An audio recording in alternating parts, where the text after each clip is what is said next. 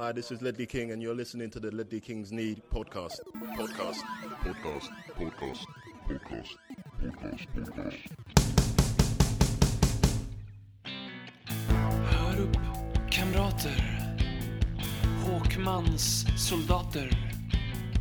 Käka liljevita oblater. Och drick dina kolhydrater. Konsekvent, inkonsekvent. Det bästa som någonsin hänt. Du kommer aldrig bli dig själv igen, min vän. Här flödar hybrisen. När vi poddar på nytt igen. Du kommer aldrig bli dig själv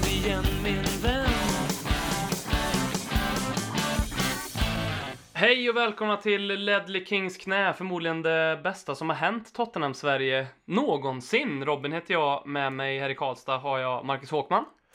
Tack! Väl- Hattrick i eh, poddande nu. Ja, det har blivit en vana det här. Ja, nu som är det, vanligt sitter Nu du är här. det en vana. Ja. Ja. Poddtista, Poddtista, ja. med allt vad det innebär. Allt vad det innebär, ja. Eh, och eh, med mig från Stockholm i ny frisyr, med ny mikrofon, Per Frykebrant. Ja, tack så mycket. Fjärde gången på en, på en månad nu. Jag känner mig väldigt inspirerad av att Håkman hade skaffat sig frisyr. Så att jag känner mig liksom väldigt illa till mods. Därför jag tänkte att jag, jag tänkte att säga, jag ska försöka överta den där positionen som den hårfagre bland oss. Ja, ja, ja. Så det, så det blev en nazifrilla helt enkelt. Vem tycker du har bäst frisyr av er två, Håkman? Per. Ja, du tycker det? Eller jag tycker faktiskt jag har finast frisyr. Får man, får man vara så självgod? Jag tycker faktiskt jag numera har bäst frisyr i podden. Du såg Pers nya frisyr och så registrerade du den och så, så bara tyst knöt du handen i fickan. Och bet mig på underläppen. Nej då. Nej, men jag är väldigt nöjd med frisyren. BM är av disciplinära skäl avstängd från dagens podcast. Ja. Återigen. en... Återigen, det är en situation som pågår bakom galleriet här som inte riktigt är löst än, men som vi ber om lyssnarnas eh, tålamod med kan man väl säga. Och tack för att ni har det tålamodet för VM, för han behöver det just nu. Och vi behöver också det. Mm, Och han kommer mm. bli så jävla sur när han hör det här. Ja, så är det. Ehm, jag tänkte som uppvärmning att vi skulle börja eh, snacka lite om tjuren från Pamplona. Jag pratar om eh, ingen mindre än Fernando Llorente. Ehm, han har ju lämnat Tottenham nu. Eh, Det, det visste vi ju redan sen innan. Han gick ju på free transfer och eh, han har hamnat i Napoli. Eh, och- Napoli. Napoli, Napoli. Napoli. Ja, eller Napoli eller Napoli. Eller. Hur säger du Per? Eh, Ska du börja anmärka på saker och uttalar saker? Vad heter han nya Vadå Napoli? Argentin- Vad heter nya argentinaren i Spurs? Mauricio Pochettino. Nej, han nya som kom för säsongen. Mauricio Pochettino. Nummer 19. Mauricio Pochettino. Ah, okej, okej. Vad heter hans son förresten nu är han i förnamn? Han heter också det. Han heter Maurizio. Med Gör han det? Med Z. Med säte. Jävla vad självgod liksom. Ja, det är som att du skulle få ett barn döpat till Marcus fast med K. Ja, jag tänkte exakt dra den jämförelsen. Ja. Ja. Eh, men tillbaka till Fer- Fernando Llorente som har gått till Napoli. Han, han eh, la ut en Instagram-post där han eh, hyllade Tottenham till skyarna och kom ut som Spurs-supporter får man väl ändå säga. Likt, eh, ja men så som Rafael van der Wart, för att nämna några, Jermaine Gines, för att nämna en till, har gjort efter det att de har lämnat Tottenham, gått vidare. Eh, det känns inte riktigt som att de har kunnat släppt klubben och, och, och skönt också att inte Llorente. Så har ni, någon, har ni någon vurm för honom? Hur känner ni med det här med Llorente? Ja, Ja, absolut. Alltså, så, så som vi var inne på förra veckan, så säger han, han kunde ju inte spela fotboll i vårt system överhuvudtaget. Eh, men vi fick ju ut så himla mycket gott. Han gav oss verkligen en, en vår som jag tror att vi aldrig kommer glömma som Tottenham-supportrar. Så när jag ser den där liksom, det gröna bortastället från i fjol så tänker man ju på Llorente och man tänker på matcherna i Champions League. Det, han, han har ju verkligen gett oss en, en av de finaste presenterna man kan få som fotbollssupporter egentligen. Mm. Men vi vann ju ingenting som alla andra säger. Nej. Nej. Nej, men jag håller med. Våren var ju fantastisk utav Lorente. Den var ju toppklass, alltså speciellt i vissa välvalda matcher i Champions League i synnerhet. Ajax, andra halvleken mot Ajax exempel, bortaplan. Kommer man in och ja, förändrar matchbilden totalt. Och äger och dominerar i luftrummet. Hade det inte varit för den vårsäsongen så hade man kanske inte suttit på samma sätt och vurmat för Lorente som man sitter och gör nu och önskar honom all lycka till i Napoli. Väldigt fint av honom att han eh, likade en tweet om att nya Spurs-arenan på 27 dagar haft lika många Champions League-semifinaler som Emirates haft på 13 år också. Ja. Har han likat några av våra tweets? Det har han gjort? Det har han inte gjort Han än. inte gjort det. Det Nej. är lite konstigt. Vi är ju väldigt upptagna av sånt. Att få Spurs-spelare att följa oss på Twitter och lika våra grejer. Ja, ja. Eh, Vi gillar ju att runka av våra idoler. Ja, Så vi att- kanske borde vara lite mer slätstrukna för att lyckas med det. Ja, men jag tror det. Ja. Jag tror vi som podd borde bli mer PK. Mm. Vi borde liksom bli, ja men tänk Tottenham Hotspurs Supporter Sweden. Mm. Vi borde, så borde vi bli. Då, då tror jag att Jorente kanske klickar in en like. Men vi Det kanske ska bli en Camp Sweden-podd istället. Ja, Ja. Det var ju tråkigt att det blev 2-2 mot Arsenal. ja, det var synd. Vilka spelare vill ni helst att vi köper?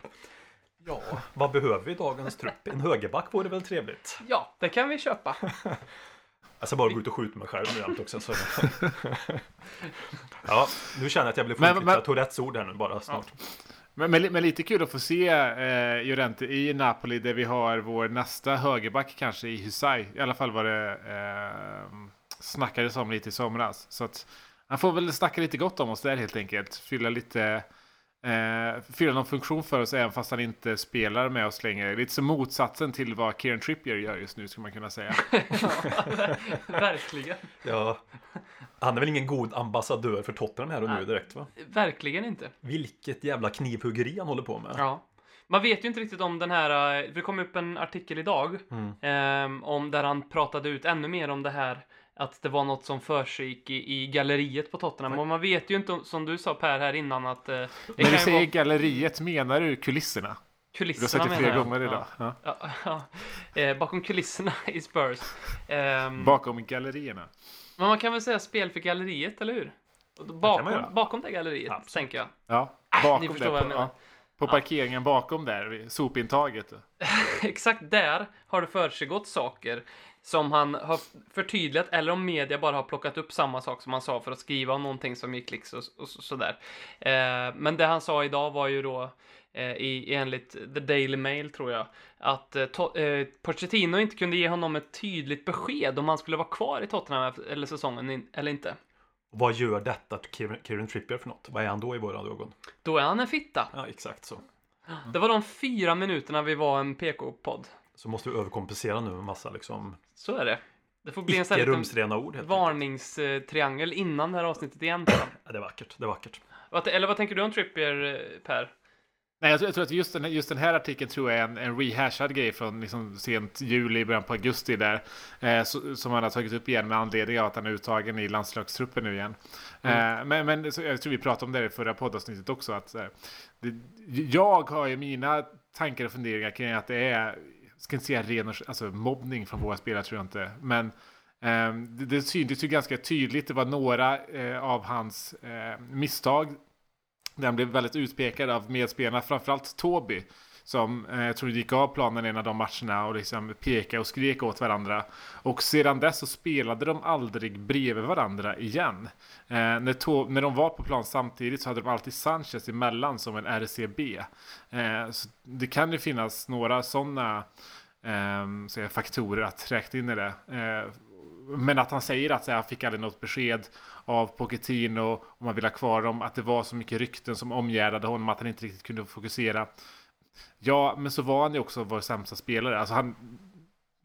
Den liksom nedåtgående spiralen han hade under fjolårssäsongen saknade ju motstycke om man jämför med de andra spelarna. Så det är klart att han omgärdas av sådana rykten och att en tränare inte kan garantera att han ska vara kvar. Var lite professionell istället. Mm. Det, det, det, är ju inte...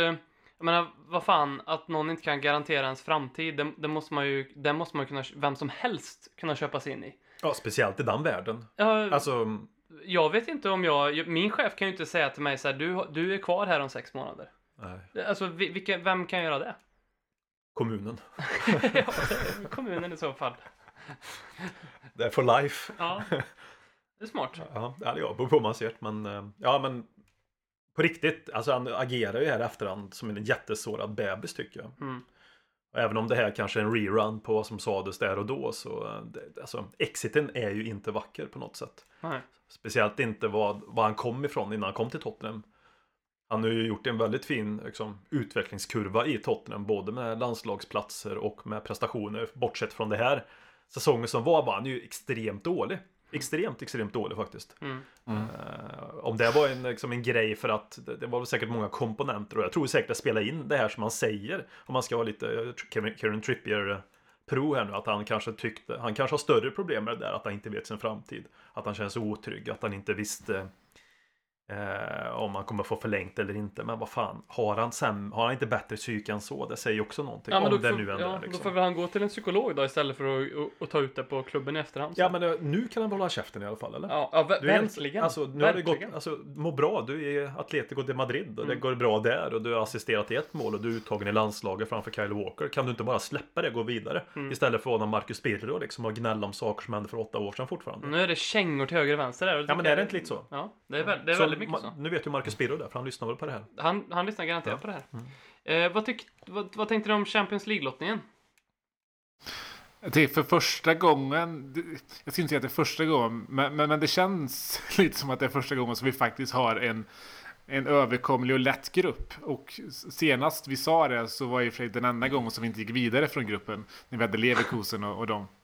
Eh, men det, det, är ju det är två väldigt roliga bortamatcher i Olympiakos och eh, Röda Stjärnan. Eh, alltså, verkligen. känns verkligen som europeisk fotboll på liksom the good old days. Eh, så den, jag är jäkligt glad för den här eh, gruppen. Och en anledning till varför vi, har, vi pratade förra avsnittet om eh, många olika faktorer till varför vårt pressspel inte funkar och varför vi alltid blir så trötta och spelar dåligt. Och en sak är ju det att vi har inte de senaste två åren haft turen att kunna rotera i gruppspelet i Champions League. Fast vi har haft sådana tuffa grupper. Nu har vi ju en grupp som vi ska gå vidare från utan tvekan, även fast vi roterar ganska kraftigt under de matcherna. Samtidigt så möter vi ett Bayern München som är det enda stora liksom, europeiska laget som vi inte har mött nyligen i, i, eh, i kuppspelssammanhang. Då glömmer du kanske att vi slog ut dem ur Adu Mm, mm. Cup. Ja, ja, men det jag tänkte komma till. Mm. Att de har ju, är- man vill ju verkligen inte möta dem av den anledningen. Att de har ju verkligen en revansch att utkräva. Vi liksom, de har ju, det, det, är ett stort trauma som de fortfarande lever med. Eh, den här vinsten, eller den här förlusten i, i Audi Cup här som en titel som de verkligen har trånat efter under lång tid. Och som vi går och liksom verkligen Ehm, ja, men gör slut på vår titeltorka på deras hemmaplan med i deras och i, deras fans tycker kanske den största titeln som, som går att vinna. Ehm, men med det sagt så är det här Bayern München ett, ett lag som absolut inte är det Bayern München som de som vi är vana vid att se dem. Det här är ett lag som förmodligen kommer komma trea i Bundesliga. Så att för en gångs skull kan vi väl i alla fall vinna gruppen. I och för sig gjorde vi det för, för eh, två år sedan också, men nu kan vi göra utan att behöva ta ut oss. Famous last words. de här två bortamatcherna mot Olympiakos och Röda Stjärnan, de är nog inte så jävla lätta tror jag. De har väl ganska Nej. bra facit just i Europasammanhang på hemmaplan. Röda Stjärnan, vad gjorde de förra året? I Champions League. De tog väl, tog de Napoli?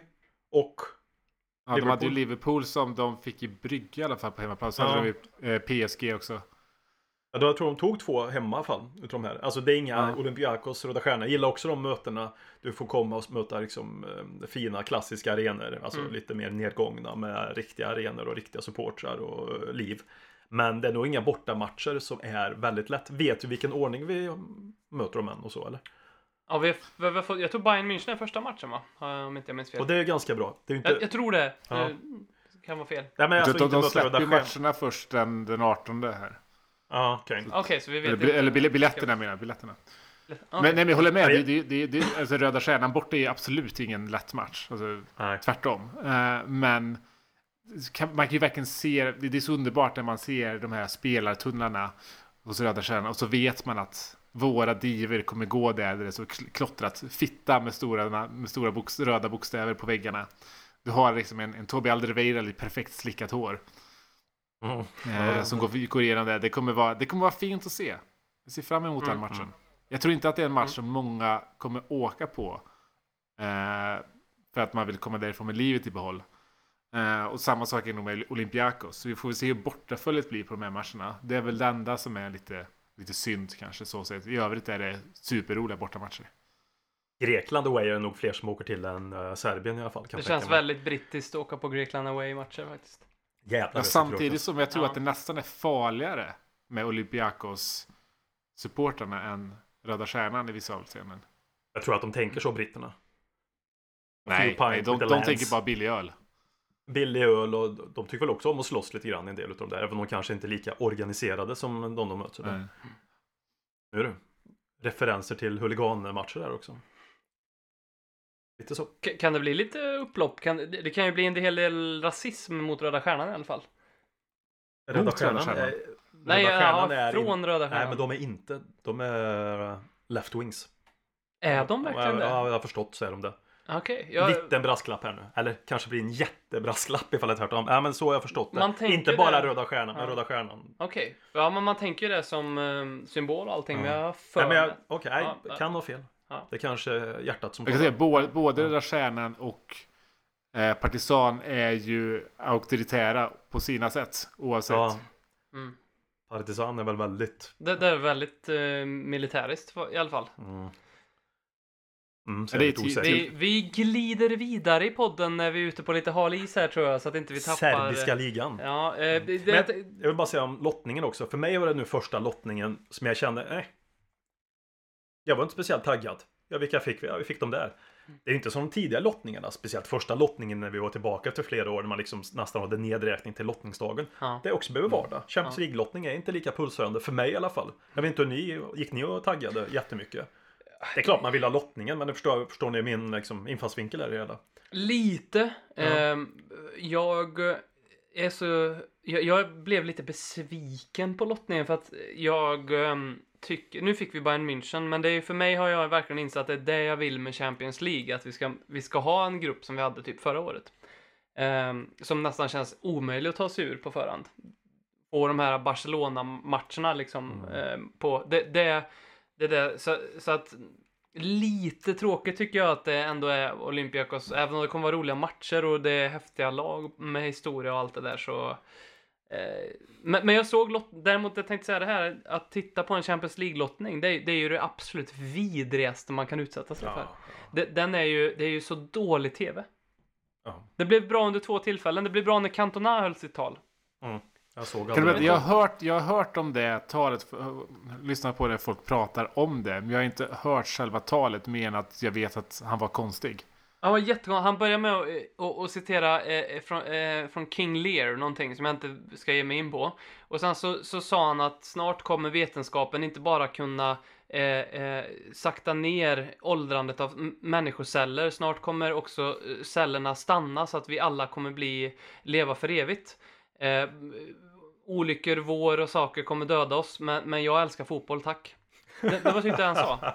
Han kändes jätte... Det kändes ändå liksom... så jävla genom- typiskt franskt att man måste liksom säga ta the stage och sen bara liksom få alla att bli fullt jävla förbryllade och inte fatta ett piss. Det är så extremt franskt. Han har ju en till som jag inte kan citera, men jag kan uppmana folk att gå in och kolla på YouTube. Han gjorde den här karatesparken mot Crystal Palace mitt på 90-talet, blev avstängd sju månader. Eh, någon stund efter den här karatesparken så hade han ju en press- presskonferens. Och då gör han ju också, när han pratar om liksom fiskmåsar och sånt där saker. Han svävar iväg i något helt annat än vad egentligen de vill höra. Och sen bara reser han sig upp och går. Har ni sett den eller? Nej, jag har inte sett den. Den kan ju tipsa folk in och titta på. Fiskmåsar flyger, ja, bla bla bla. Och så, ungefär som här, helt oväsentligt. Och så bara säger han tack och så går han. Och så hör man lite smågarv ifrån eh, pressfolket liksom. Ingenting om det. De var ju jättenyfikna vad han tyckte och tänkte om avstängningen och varför han gjorde som han gjorde. Nej. Går in och pratar om fiskmåsar i 45 sekunder och sen går han. Jag tycker det heders... Hed, he- hedrar honom. Nej, alltså, hade Cantona spelat i Tottenham till exempel. Ja, du, du, du, du hade avgudat honom. honom. Ja, liksom. det är ju... Det, tänk, det är synd att inte Ginola har de, de, den karaktären. Alltså adderat det på Ginola. Ja, Ja, det ja, hade då, varit, Ja, men då eh, hade man ju... Ja. Ja. Någon annan som, som var, var beföll, befann sig på andra spektrat av klokhet på, på Champions League-lottningen, det var ju Virgil van Dijk. Ehm, som gick upp och fick pris för bästa försvarare i för, föregående turnering. Mm. Eh, och då säger då den kvinnliga moderatorn att eh, ja men i år är ju finalen på Istanbul. Det är ju lite lovande för er. Mm. Eh, och då svarar då Virgil van Dijk ja vi vann ju precis supercupen där för två månader sedan så det känns ju bra. Och sen inget mer. Och Eh, vilket skapade ju en, en, ett ramaskri på Twitter. Det, givet någonting som Liverpool inte tog upp utan tystade ner så försiktigt de bara kunde. Jag var väldigt snabb med att tweeta till våran eh, gode vän Robin Bylund eh, som har den här andra podden, eh, Liverpool-podden. Om att ha, Virgin van Dijk kanske behöver en, en, en, eh, en historielektion. Om att han kanske inte känner till att Liverpool vann Champions League där 2006. Mm. Eh, det här har Robin Bylund inte svarat på. Um, han svarar alltid på våra tweets. Um, så det här, det, här, det här gör mig lite konspiratorisk, eller det här spel på egentligen det här Liverpool... Uh, vad ska man säga? Syndikatet som finns. Hatet trodde du säga. Ja, hatet är med, mm. men uh, den här nedtystningskulturen och okunnigheten. Ja, ja, men det är väl... Det går väl hand i hand bara. Det är väl så de är. Asen. Sen, när du säger vår vän, jag vill att du inte, du säger inte så mer. Jag, nej, okej, okay, okej. Din vän kanske? Min vän Är det din vän, Per? Nej, men jag tänkte säga det att ska vi eh, kanske, vi behöver inte avslöja det nu, eller ska vi avslöja det? ja, men gör det, det, gör det, du kan inte säga A utan att säga B.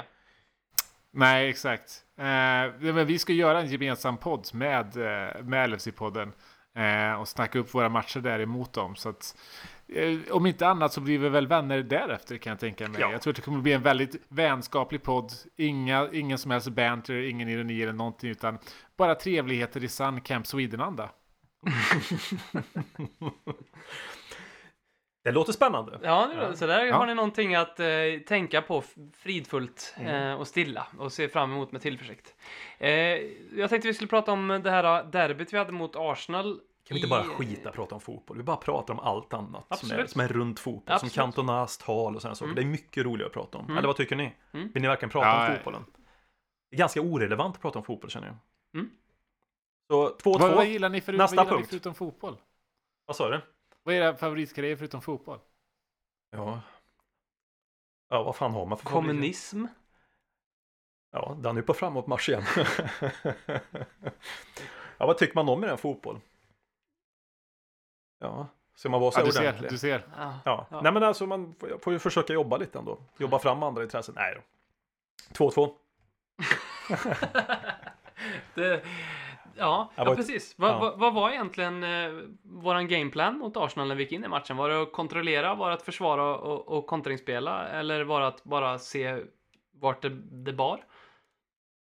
Ja, det, det var väl eh, en av de sakerna i alla fall. Och det var ganska tydligt att vi Eh, skulle, att vi anammade lite den här taktiken vi haft mot storlag, framförallt i Champions League tidigare år, som faktiskt visade sig vara väldigt fruktsam, vilket är just det att eh, var väldigt kompakta i mitten, låta motståndare spela på vår planhalva och helt enkelt utnyttja det i våra spelomställningar som faktiskt för första gången fungerade under den här säsongen. Det, den matchen i år, som, eller under den här säsongen, som vi har skapat flest lägen.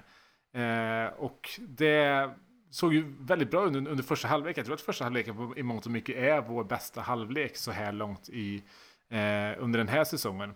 Eh, sen så, eh, som alla vet och eh, noterade så spelade ju Davison Sanchez på, på högerbacken.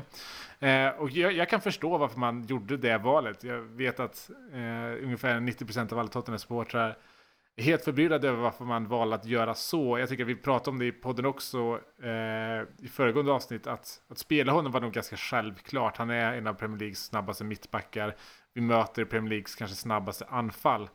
Eh, och vi har ju ingen annan att spela på högerbackspositionen egentligen. Förutsatt att vi vill ha Alderweireld och Vertongen tillsammans när vi möter dem. Eh, Kai Walker Peters skadad såklart. Serge Sört. Orier. Hur man nu uttalar det. Eh, ni ser ju själva hur hans hand ser ut. Han är fortfarande bandagerad. Ett derby är ju inte en fotbollsmatch. Det är ett slagsmål. Och vem går in i ett slagsmål med bandagerad arm? Klart som fan inte han kan spela. Så jag tycker det är fullt rimligt att ha Sanchez på högerbacken med, eh, liksom med, med det sagt. Eh, han har eh, i princip aldrig spelat där. Han har spelat ytterback två gånger under hela sin karriär. Och det var Eh, tror jag under U21-tiden och en, en, gång i Ajax. Och då har han spelat vänsterback. Eh, men det gjorde ju att de såklart väldigt mycket attackerade vår, vår högerkant och deras vänsterkant. Vilket gjorde att Cissoko var tvungen att täcka upp för den, för den ytan. Vilket i sin tur resulterade i att Winks blev helt ensam på mittfältet och fick hantera eh, deras tremanna mittfält helt ensamt. Eh, det gjorde han ju med all bravur. Jag tror att det är en av Wings bästa matcher, i alla fall under det senaste halvåret för, för oss. Men det var ju ganska tydligt att någonting som vi saknar i Tottenham just nu är en stark defensiv mittfältare, defensiv innermittfältare. Wings kan absolut växa in i den rollen, men han är inte där nu. Det ser vi ganska tydligt i antal släppta, insläppta skott, eller inte insläppta skott, utan skott som vi släpper till. Vi har under den här säsongen släppt till 17 skott i snitt per match. För två, tre år sedan var den siffran ner i nio. Och vad hade vi för mittfält då? Jo, vi hade Wanyama och Dyer. Vi hade en sköld framför försvaret. Och det har vi inte längre. Visst, vi kanske inte ska spela samma fotboll som vi gjorde då. Men det är ganska tydligt att, att vi saknar den rollen. Och som sagt, Winks, han var kanon. Vi kan inte begära så mycket mer av honom än det han presterade i, i den matchen. Även om Gwendo C fick alldeles för mycket yta att springa på. Men det var egentligen inte hans fel. Det var ett resultat av någonting helt annat. Men med den ranten avklarad så som sagt var jättebra första halvlek. Andra halvlek är ju bara kaos. Och det är ju kaos för båda lagen. Taktik fanns inte att se från något av lagen. Vi blev allt tröttare. Eh, det är vi inte vana att bli mot Arsenal. Traditionellt sett tycker jag att vi brukar vara de som är lite starkare i slutet av matcherna. Men är det någonting som man kan ge cred till eh, Emery för så är det att efter att han tog över så har Arsenal blivit ett mycket mer vältränat lag. Vi, det var ingen av matcherna i fjol där jag kan anse att det var de som tröttnade. Utan eh, han, han, har, han har fått till det som Pochettino gjorde i, i början av sin session hos, hos oss. Ehm, så eh, frågan är ju varför, det, varför vi blev så trötta. Eh, jag vet att jag såg någonting nu om att Pochettino har eh, dragit nu fem dubbelpass så här långt under säsongen. Dubbelpass är någonting han kör när han, när han känner att spelarna, när han är extremt besviken på spelarna och måste lära sig. Det ser en hel del om vår säsongsupptakt att vi hade spelat tre matcher och Bocca hade varit besviken fem gånger ja. Eh, men vi lyckades komma undan med, med en poäng i, i behåll och, och om det var domedagsstämning i podden förra veckan så är jag faktiskt väldigt optimistisk just nu. Jag tycker att det var det, den prestationen vi verkligen kunde liksom hoppas på som mest. Och det resultatet vi hade kunnat hoppas på. När vi går till Emirates, jag är alltid super eh, pessimistisk. Vi har inte vunnit där på, ja, förutom cupmatchen i fjol så, så vinner vi aldrig där i princip. Nej. Det är en person jag tänker som tackar och tar emot att vi helt plötsligt ett lag som i snitt tar emot eller sa du snitt eller totalt? Det var i snitt 17 skott I snitt, i snitt 17. Ja, just det. En person som Då har vi tackar... också, vi har också mött City och Arsenal, så det är Ja. lite skeva siffror, men det säger en hel del. 17 är oerhört högt, högt även mot de lagen. Ja, det är ju ett snitt ändå. Vi har ju också spelat mot Villa och Newcastle, så att det är ju... Och eh, jag tänker en person som, tar, em- som tackar och tar emot det lite grann, det är Hugo Lloris. ehm, som ju är en duktig shotstopper. Och det såg vi mot Arsenal.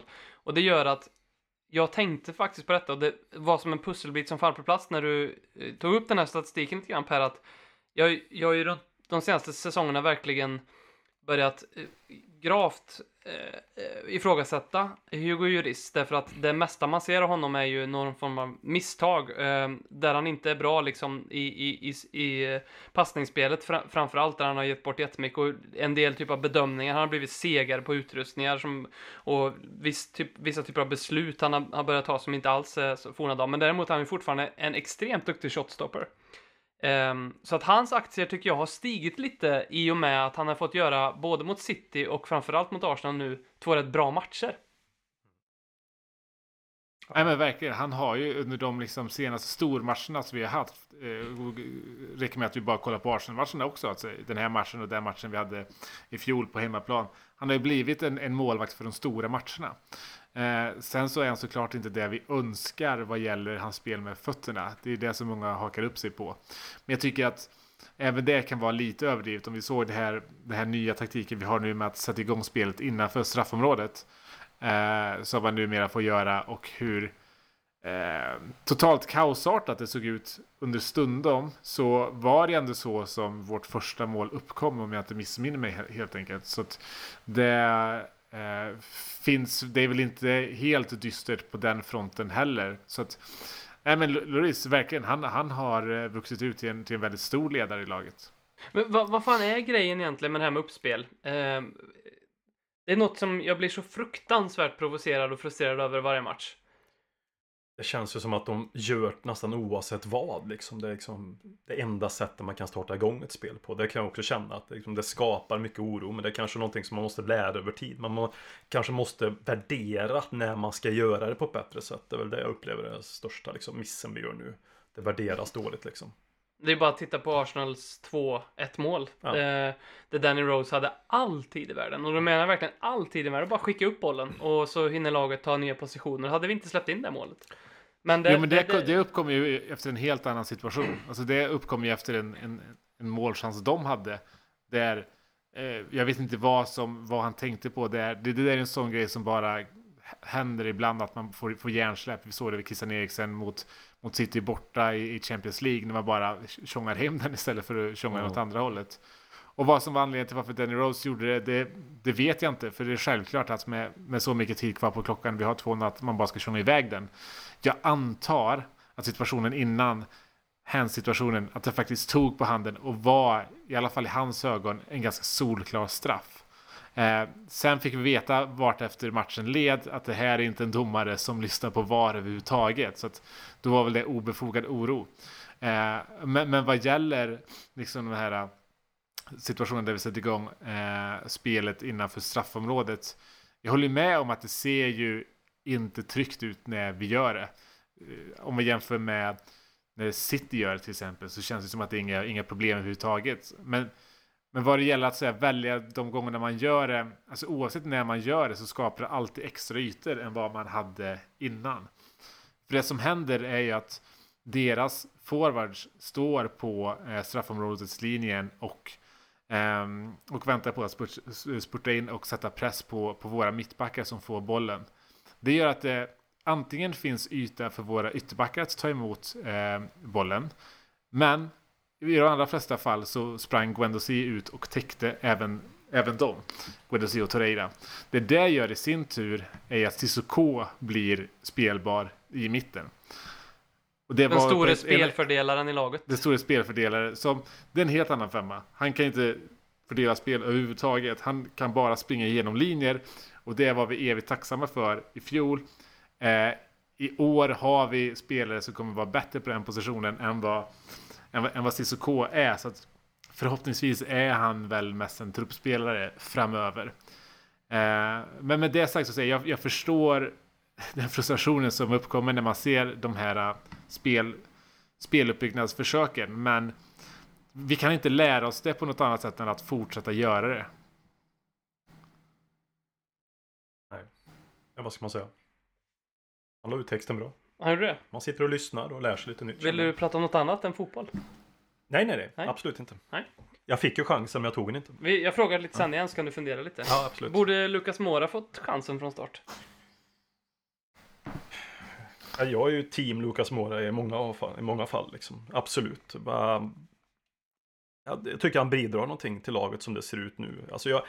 Det är ju det här med Lamela. Jag är ju ingen större vurmare av eh, Erik Lamela. Utan jag ser ju hellre en Lucas Mora med lite bättre fart och lite mer näsa för mål. Och han bryter spel också på ett annat sätt. Sen, är ju, sen tycker jag även Lucas Mora har ett väldigt bra pressspel Och jobbar tillbaka och och uh, jobbar på ett bra sätt i pressspelet också. Så det är ju så mycket man brukar säga om Lamela, att han är väldigt aktiv liksom i den offensiva pressen.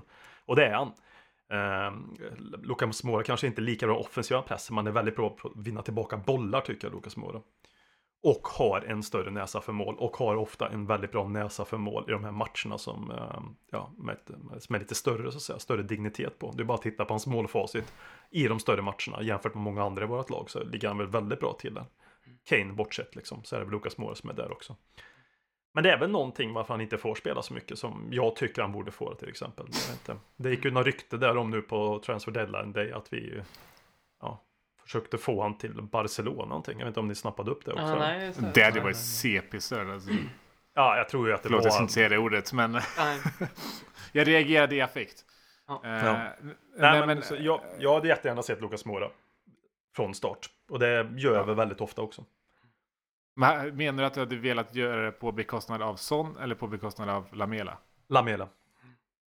För det tänker jag, hade vi ställt upp med Son, Kane och, eh, och Mora så hade vi egentligen ställt upp med samma typ av uppställning som, som Arsenal hade gjort. Och vi såg ju ganska tydligt vad det gjorde med Arsenal. De blev ju extremt enkla att spela igenom. För vår, vår, vår taktik på förhand var ju att täcka upp i mitten, ha det extremt kompakt, nästan motsatsen till vad som var taktiken mot City. Där handlade ju vår taktik om att spela på kanterna eh, och alltid bygga upp via kanterna så att vi väl eh, tappar bollen gör vi det i situationer som inte är speciellt farliga för deras omställningar.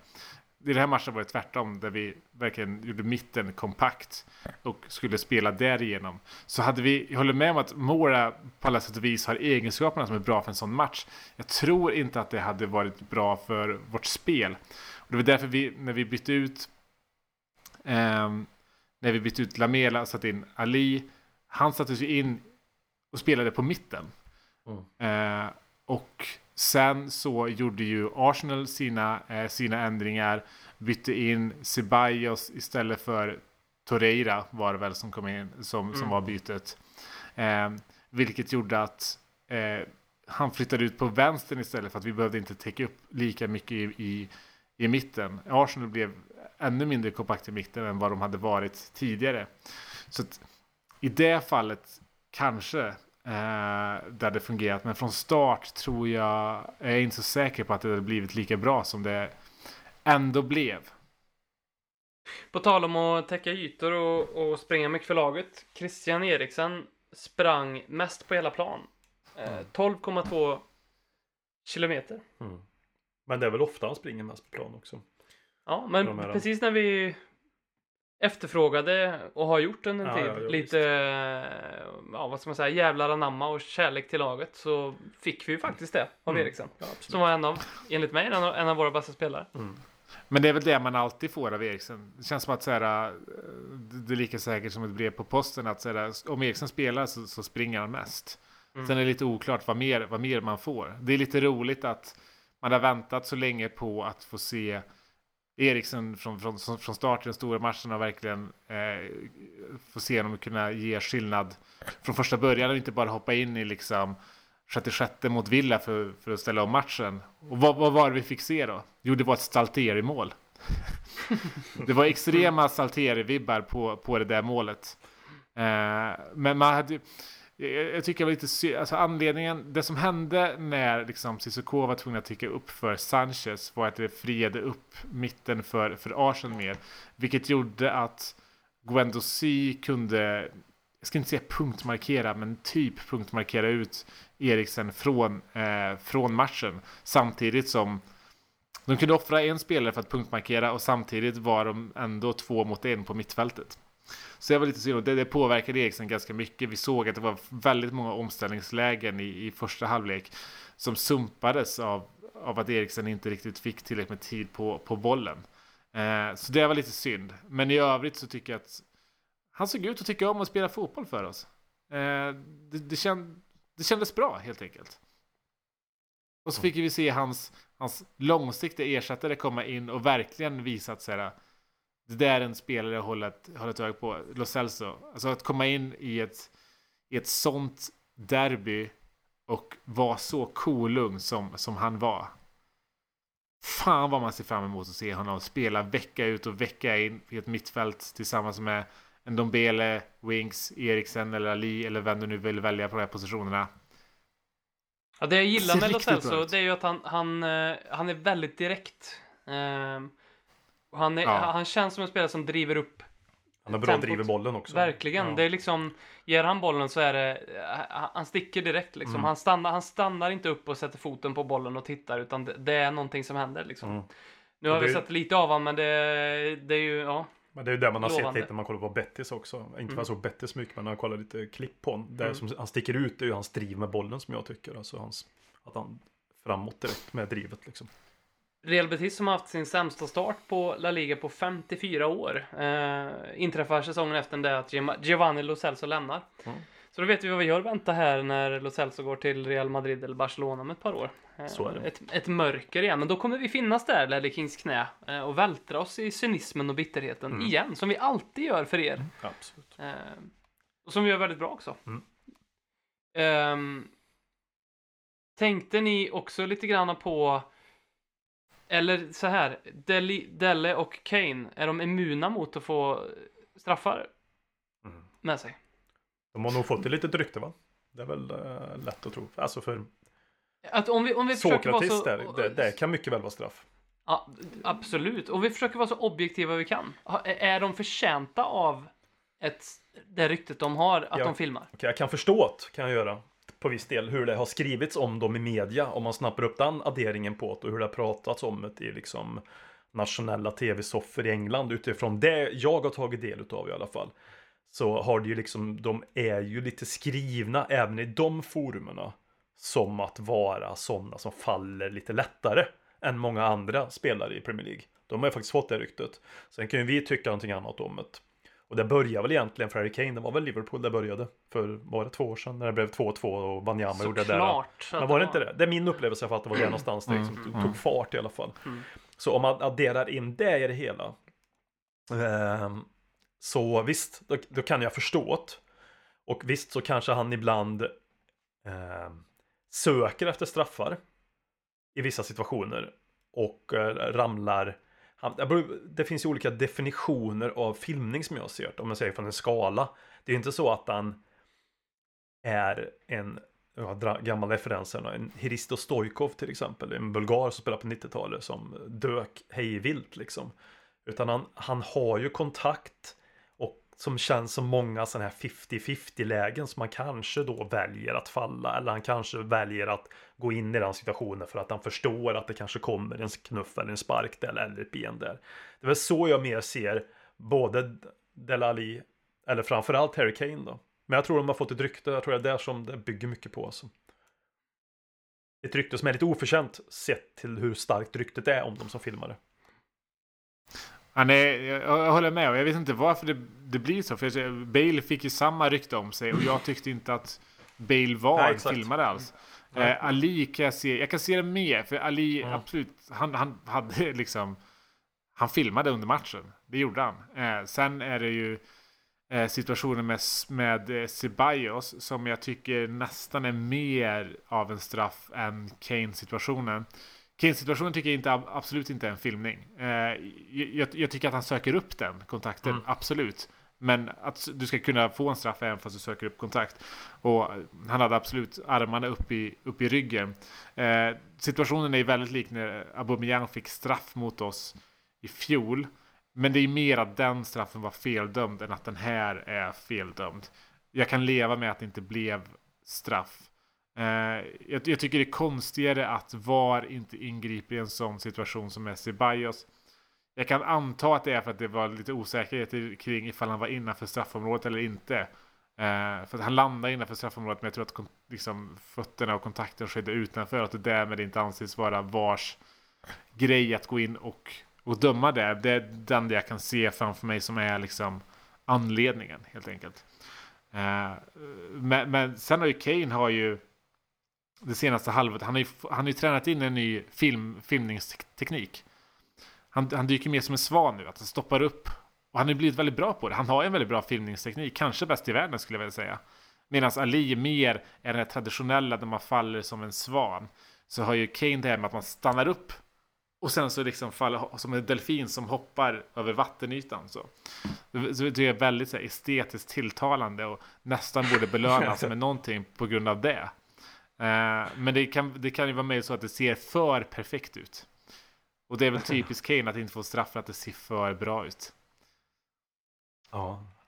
Men det, det som, ja det är jättebra sammanfattat, men det som jag stör mig framförallt på, eller framförallt det jag också stör mig på det här med Harry Kane och hur man behandlar honom och det här att han söker upp. Jag upplever också att han söker upp Och att det där mycket väl kan vara straff det som med Sokrates där i 93. Det är liksom hur Sky, han ska få stå och förklara sig för Sky om och om igen. De visar repris på repris på repris på det här. Eh, Det, det, känns det är som så han- jävla illa alltså. Det där Ja, hade de aldrig gjort för Salah. annan. Salah hade aldrig Nej, fått stå och förklara sin, sin, sin filmning.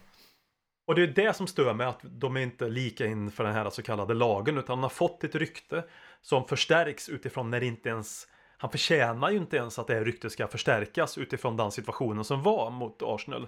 Utan nu har han förstärkts ytterligare, cementerats för den gemene mannen och gemene domaren att Harry Kane är en filmare. När det här händelsen egentligen inte alls borde få det, ja, den publiciteten, att han blir mer filmare, förstår du? Så de, det är ju media också som hjälper till att förstärka den här rollen för Harry Kane. När det inte, egent- han förtjänar det inte. Han förtjänar inte att förstärkas. Det här händer ju hela tiden. Och det kunde mycket väl vara en straff. Det här är ingen, det är som jag sa, det är ingen filmning för mig. Men jag kan ändå förstå någonstans att, att gemenes fotbollssupporter kan störa sig på. Men, och de, de, för, de stör sig mer på det också för att det pratas mer om varje situation med Harry Kane än det gör med andra. Det är min upplevelse i alla fall. Och det provocerar mig något in i helvete. För mm, han är ingen, liksom, Harry Kane, filmare. Nej, så tänker man ju inte. Nej. Nej. Han Då är är- det Lali mer som du säger Per, att mer åt hon, hans håll. då, fall. förstår jag ju liksom. Lite jag, mer i alla fall. Jag brukar alltid tänka på det här uh, hur starkt jag hatade Luis Suarez i Liverpool. Alltså starkaste hatet jag har. Starkare än, mitt hat till Arsenal alla dagar i veckan. Hu, hu, hu, så. Ehm, och då brukar jag alltid liksom tänka på det där. Vilka Tottenham-spelare finns det som någon verkligen kan känna så? Det är Lali. Eh, Och, då, och Dele är ju åt det Ja, hållet. Jag kan absolut. förstå han, att man inte, att, att man känner som honom. Och Erik Lamela också. För att han kan ju, eh, nu vet ju vi att Erik Lamela är en allsmäktig och fantastisk människa på alla sätt och vis och borde belönas med massa humanitära priser och sådana saker. Men på fotbollsplan så kan han ju se han kan ju se helt fruktansvärd ut ibland som en riktig idiot. Han, sättet han söker upp kontakt och tacklingar ibland. Eh, och det tror jag eh, motståndarlag kan, kan störa sig på väldigt mycket. Ehm, men att det här hatet och drevet mot Harry Kane och det och som provocerar mig väldigt mycket ehm, och som inte jag har upplevt under alla mina Spurs-år. Eh, det är det här drivet med hans inom citattecken talfel. Eh, Som är, det kommer från alla håll och kanter hela tiden. Jag, jag tror inte att jag jag vet inte om jag är naiv nu, men jag, jag tycker inte att vi ger oss på andra spelare på det sättet. Visst, vi hade det här Özil, his eyes are offside-grejen. Eh, absolut. Eh, men, men det är inte på samma nivå. Och sen är det Sol Campbell, men den är ju befogad på Men alla den är sätt. Det, är- jättebefogad. det är en annan ja, sak. men det är inte, det är inte, det, alltså. Men nej. det här med Harry Kane, han, han, är ju, bli- han har ju blivit liksom en nationell hackkyckling. Det är så och, gör sig, och konstigt. gör sig rolig på. Och då pratar vi ändå med en snubbe hur många mål han har gjort i landslaget. Ja, precis. Hur, hur mycket han liksom... Det finns väl inget ont blod alls Han i är Harry så- Kane. Det han, borde bli, det han borde bli beskylld för, det är att han är tråkig. Exakt. Tråkig, lam, intetsägande, Mm. nästan för vettig. Alltså för, alltså grå. Mm. Liksom, som person. Det är ju ingen jag skulle vilja hänga med. Verkligen Jag inte. skulle vilja liksom säga, ja, byta liksom, direkt efter några minuter. Det borde väl folk håna i sådana fall för då. Men han, han, det kanske är just det. Att han, är, du vet, man ser som på prärien, man ser någon som är ett eh, lätt byte liksom kanske. För att han, ja. Mm. Inte vet jag. Men det som är positivt är att jag tror, att, jag tror inte han bryr sig för fem öre om något av det här. För Nej, att men- han är fullblodsproffs och rätt liksom mentalt eh, stabil. Så det tror jag inte rör honom i ryggen. Utan det rör ju mer mig som supporter i ryggen. Ja, man, man vill ju stå upp för det. Ja, precis. Mm. Ehm, något annat som provocerar mig lite, men, men på, på lite på ett annat vis. Eh, Lacazette eh, gör 1-2. Eh, på, på sin hemmaborg i det stora derbyt mot klubbens rivaler. Eh, och springer och, och gör någon sån här, som för mig har blivit synonymt med Arsenal, någon jävla fjant eh, firning av målet när han ställer sig iskallt och tittar på sina fans. Eh, jämför det med Tanguy Ndombele som gör sin första match på nya White Hart Lane, gör mål. Eh, han sliter ifrån sig spelare som vill fira med honom. Eh, vi kan jämföra med Daniel James som gör 1-1 på Crystal Palace och springer bort och gör typ en likadan grej. Ja, som, som, samma. Ja. som gör exakt samma sak som Lacazette. Sådana saker är jag så jävla glad att vi är skonade ifrån. För det däremot, hade Kane hållit på med sådana saker. Mm. ha- Jo. ha- han, han knyter ju han gör mål på sin höjd. Han är ju världens tråkigaste målgest. Han springer och hoppar upp i luften och knyter näven liksom. Han gör målgest som han är som person lite grann. Exakt. Ja. Så det är jag jävligt glad över att han inte håller på med sånt. För då hade det varit lite mer befogat. Vart är hatet mot Lacazette? För att han gjorde den där grejen? Nej.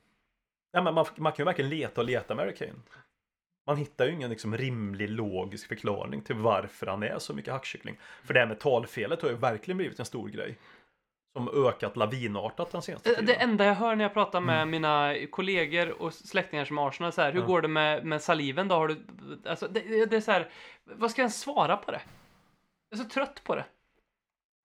Men det, men det är ju för att det är ju det absolut enda som, som man har mot honom kan använda.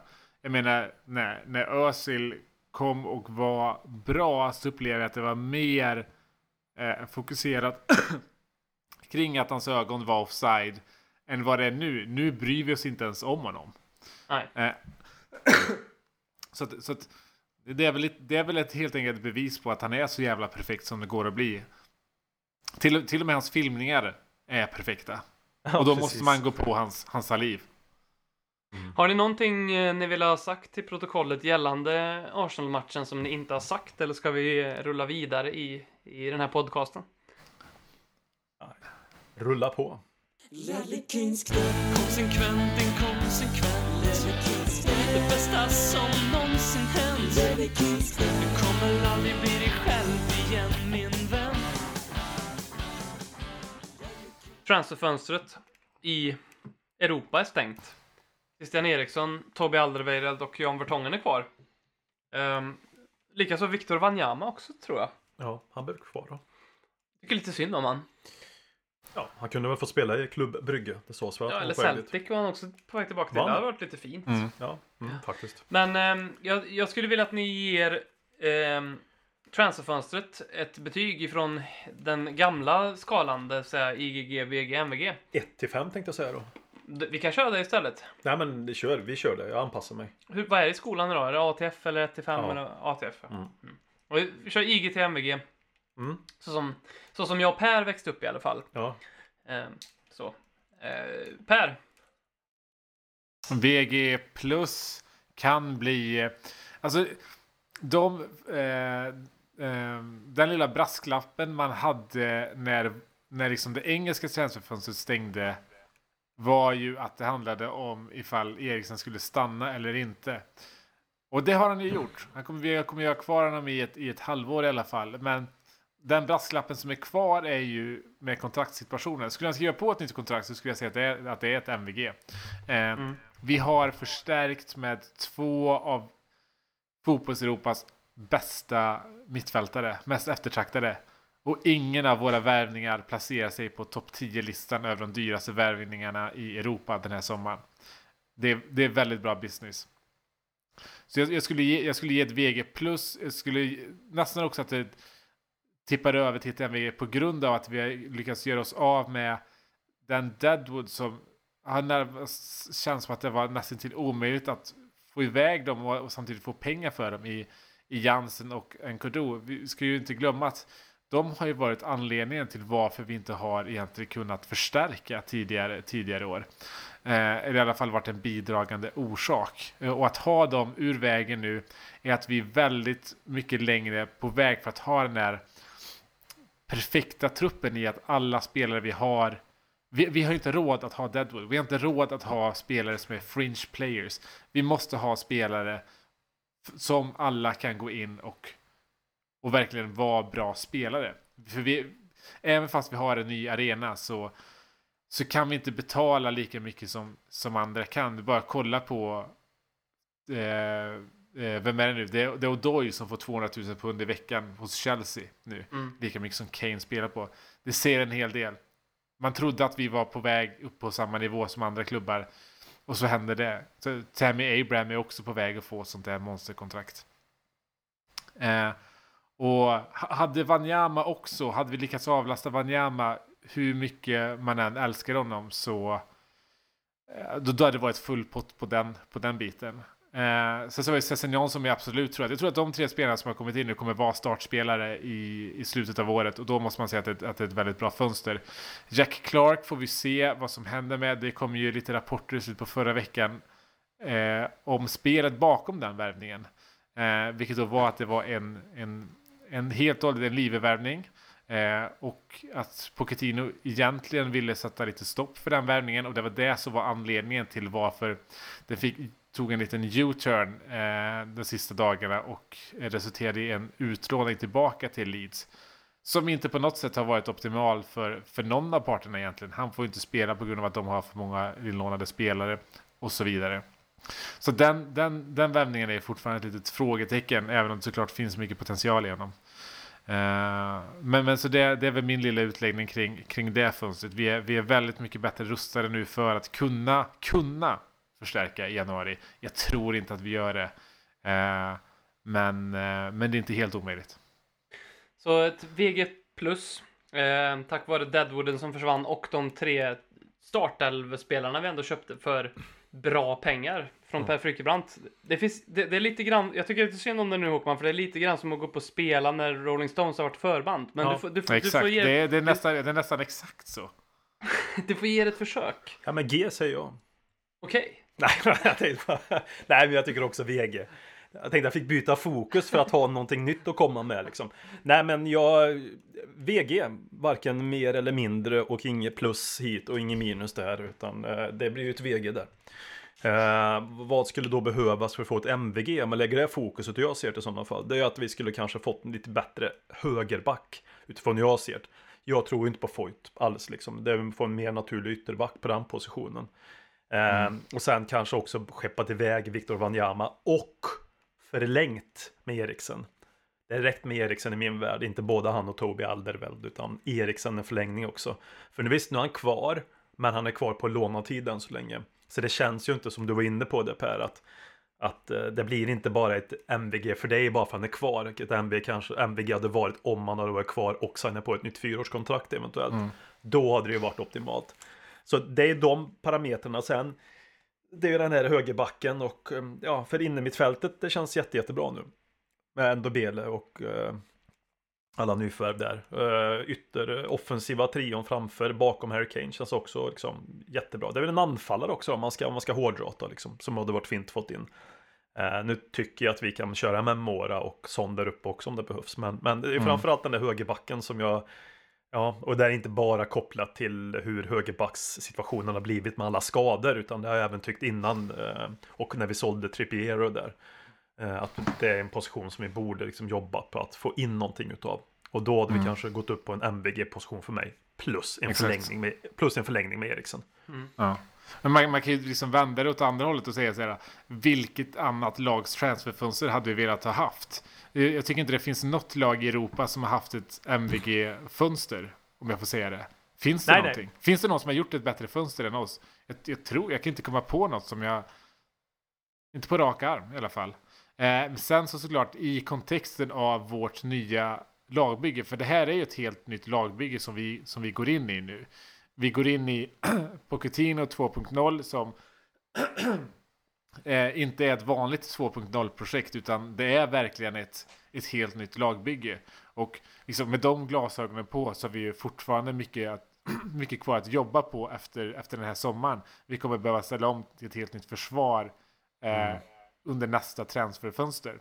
Eh, sen tycker jag att vi det, det, det är okej att använda oss av den här lite reservplanen med, med Foyth som vi har nu för att istället kunna stärka upp på innermittfältet som var en mycket mer, eh, mycket mer akut sak att, att lösa.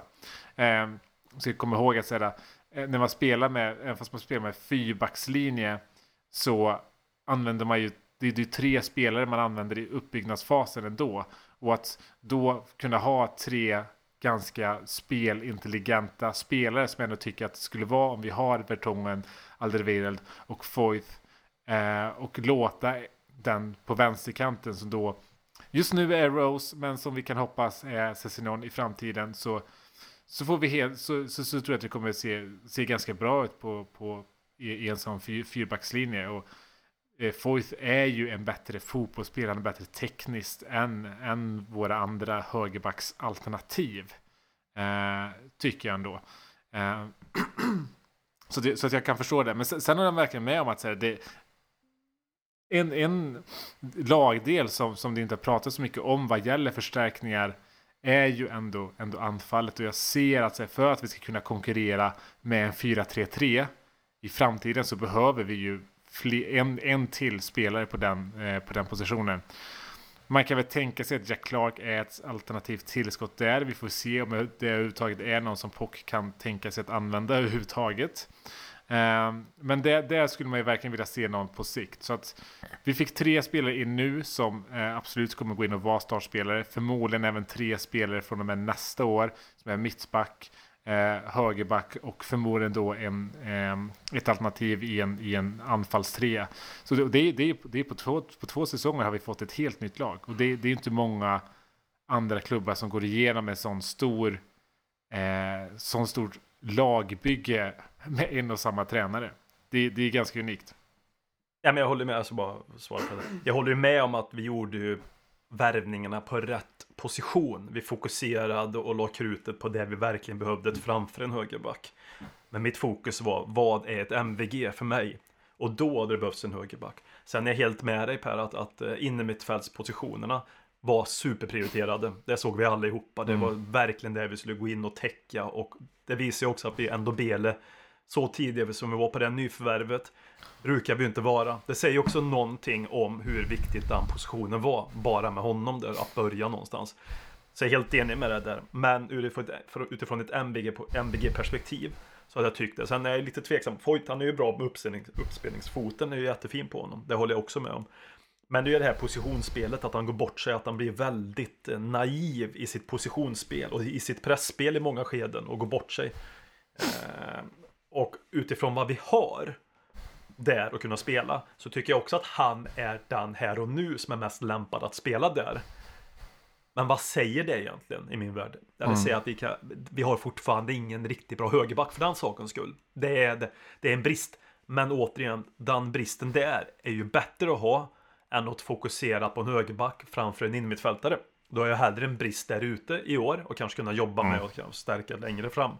Men för att liksom få det här fantastiska, fantastiska MVG som man inte ska slänga ut hur som helst, som kanske är jättesvårt att gå, få. Så hade det kanske behövts en ny högerback för mig. Och ett VG, det är ju ett jättebra betyg som jag ser det i alla fall. Mm, mm. Eh, det ska man ju inte liksom... Det är inte för att vara negativ man ger ett VG, utan det är ju också någonting som är positivt. Och sen är det kontra, vad skulle man vilja byta ut i Europa, vilket, vilket Nej. Jag ser inte heller någon direkt sådär. Många har ju liksom eh, handtrallat till Arsenals jävla transferfönster och sagt att det är så jävla fantastiskt. Ja, ur ett Arsenal-perspektiv så är det nog ganska bra att de fick in Ceballos på lån. Ja, kanske var bra till och med att få in Louise på eh, transfer deadline day där, ur den, utifrån de förutsättningarna. Men det är ju fortfarande inte så att deras fönster är bättre än vårat fönster. Det kan jag inte hålla med om, så många Nej, aldrig, göra gällande aldrig. så att säga. Det finns inte en chans i min bok där. För Ceballos är fortfarande på lån. Det kan hjälpa om i år nå, nå topp 4, så det kan, det kan ju vara smart att göra så. Att det är bättre att ta den, den kvalitetsspelaren på lån för att då kunna komma topp 4 och sen börjar de deras nyrekrytering på många positioner. Och David, David, David Luiz utifrån, vi har inget annat, är det kanske bättre än ingenting. Men det är ingenting du bygger på på framtiden. Det är ingenting som, som vi ändå har investerat i vissa spelare som ska bära frukt under lång tid förhoppningsvis. Och för att summera det så Nicolas Pepe som är, Ja, kom, kommer vara den största floppen i, i modern tid. Jag i, nämnde ju inte ens han, det säger Nej, också någonting. och, och Kieran Tierney som, som är en Alan Hutton 2.0. Ja, vi får hoppas Ja, det i men, alla ja, fall. men, ja, men verkligen. Alltså, och, och, och det där tycker jag, det glömde vi säga också i liksom Arsenal-segmentet eh, här innan. Att så här, eh, Arsenal ställde ju verkligen upp med sitt bästa lag. Eh, det var ett hundraprocentigt Arsenal. Vi var kanske typ 75 procent.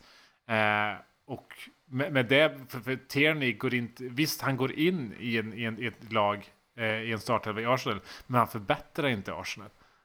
Han- Arsenals backlinje blir inte bättre av att Tierney som liksom har spelat i en jävla kalankeliga även om han är duktig i sig, går in i det försvarslinjen. De blir inte bättre av det. PP, ja, jag- alltså för mig, jag vet att jag sagt att också att, att jag tror att det kommer bli en stor flopp. Och vi ska inte prata för mycket om Arsenals transferfönster. Men han är 23 år gammal och är extremt rå. Och han är lite för rå för att vara 23 år. Han, som 20-åring hade han varit superintressant. Men nu tycker jag tycker han är alldeles för, för rå. Jag menar, han låg ju på samma poängsnitt som eh, i, i League Ö som, som Clinton gjorde innan han kom till oss. Minus då Peppes alla straffmål. Ser en hel del. Men Arsenal- Arsenal-perspektivet var ju roligt, mest intressant att ta för att deras transferfönster har ju varit så hyllat i alla läger. Ja. Men det är också Det är för att de, de Ja, men det, det kan ju också vara ett kvitto på att de är inte sedda på samma sätt som de var tidigare. Nej. Nu är de sedda på en, på en lägre nivå Mm. och då blir deras transfer, transferfönster utifrån deras nya nivå jättebra. Vi är sedda på en annan nivå nu och då blir vi inte bedömda på samma sätt. Utan då är vi, om vi ska göra samma typ av hyllningskör som Arsenal hade gjort, då krävs det ännu mer av oss lite grann. Ungefär som att Villa blev hyllade för att de köpte Tyron Mings. Ja, eller Villa vi hyllar för att de spenderar en och en halv miljard. Det skulle också kunna göra om de hade pengar. Det är mer det de blir ja. hyllade för, att de har köpt spelare. För, de har, nu har Aston Villa värvat för en och en halv miljard. Oj, vad de satsar. Utan egentligen fatta vad fan de har satsat på. Mm. Alltså, om du förstår vad jag menar. Det är liksom, det är, så har det ju varit för Villa, så var det för Fulham förra året också. Mm. Fulham har investerat, de visar muskler. Ja, men det är skitbra om man har investerat, men vad har man investerat i? Det är som att jag skulle gå ut här och köpa precis vad fan som helst. Bara för att man investerar betyder inte att man investerar väl. Mm. Kapitalistpodden.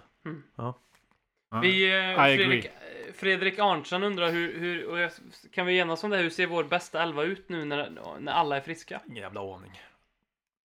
Alltså, Men jag tycker, jag tycker, jag tycker återigen, jag tycker inte att, att det är intressant att prata om liksom vår bästa elva. För jag tycker verkligen inte att vi, vi är ett lag som har liksom en, en, en startelva. Så precis så, alltså Liverpool har ju en startelva.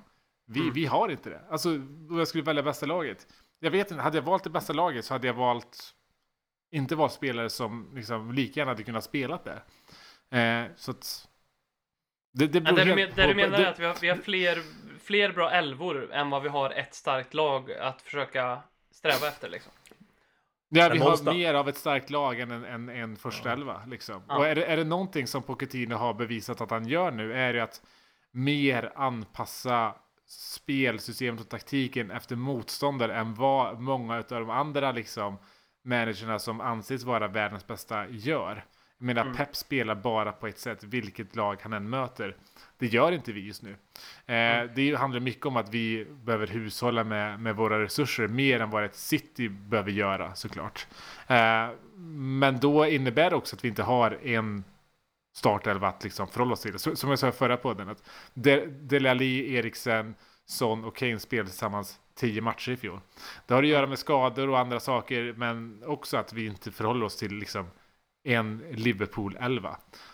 Och det, det, det kan man säga mycket om. Det, det, det är både bra och dåligt. Det är dåligt för att vi blir inte lika samspelta. Vi får aldrig igång det där, vi skulle aldrig kunna få igång det där spelet som Liverpool har.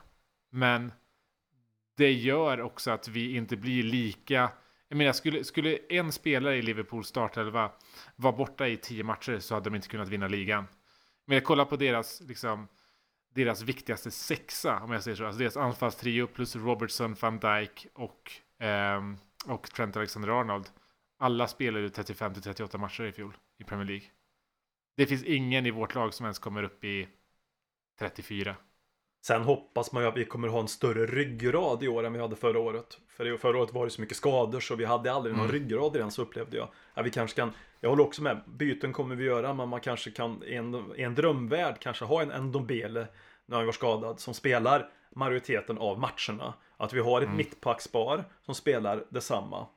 Sådana där, och Kane som spelar detsamma och någon bakom Kane. Ja men någon typ av ryggrad i alla fall. Som kanske inte byts ut hela tiden. Man kan ju inte byta ut 5, 6, 7 spelare för varje match. Det tror jag inte på. Men 2, 3 Nej, någonstans där. Nej exakt. Men när man exakt. har någon ryggrad som ändå bygger någon form av eh, alltså, samspelhet tack vare det. För nu, ja. Det har ju varit väldigt icke ryggradsmässigt på grund av alla skador, speciellt förra året. Så det hoppas jag ju på. Sen är det ju så att vi kommer göra många byten. För att vi kan göra många byten. Utifrån motstånd, utifrån antal matcher och så vidare. Men ja, en ryggrad ser jag gärna och då gärna på mittbackspar och framförallt en innermittfältare. Det är absolut viktigaste. Som Mm. jag ser det i alla fall.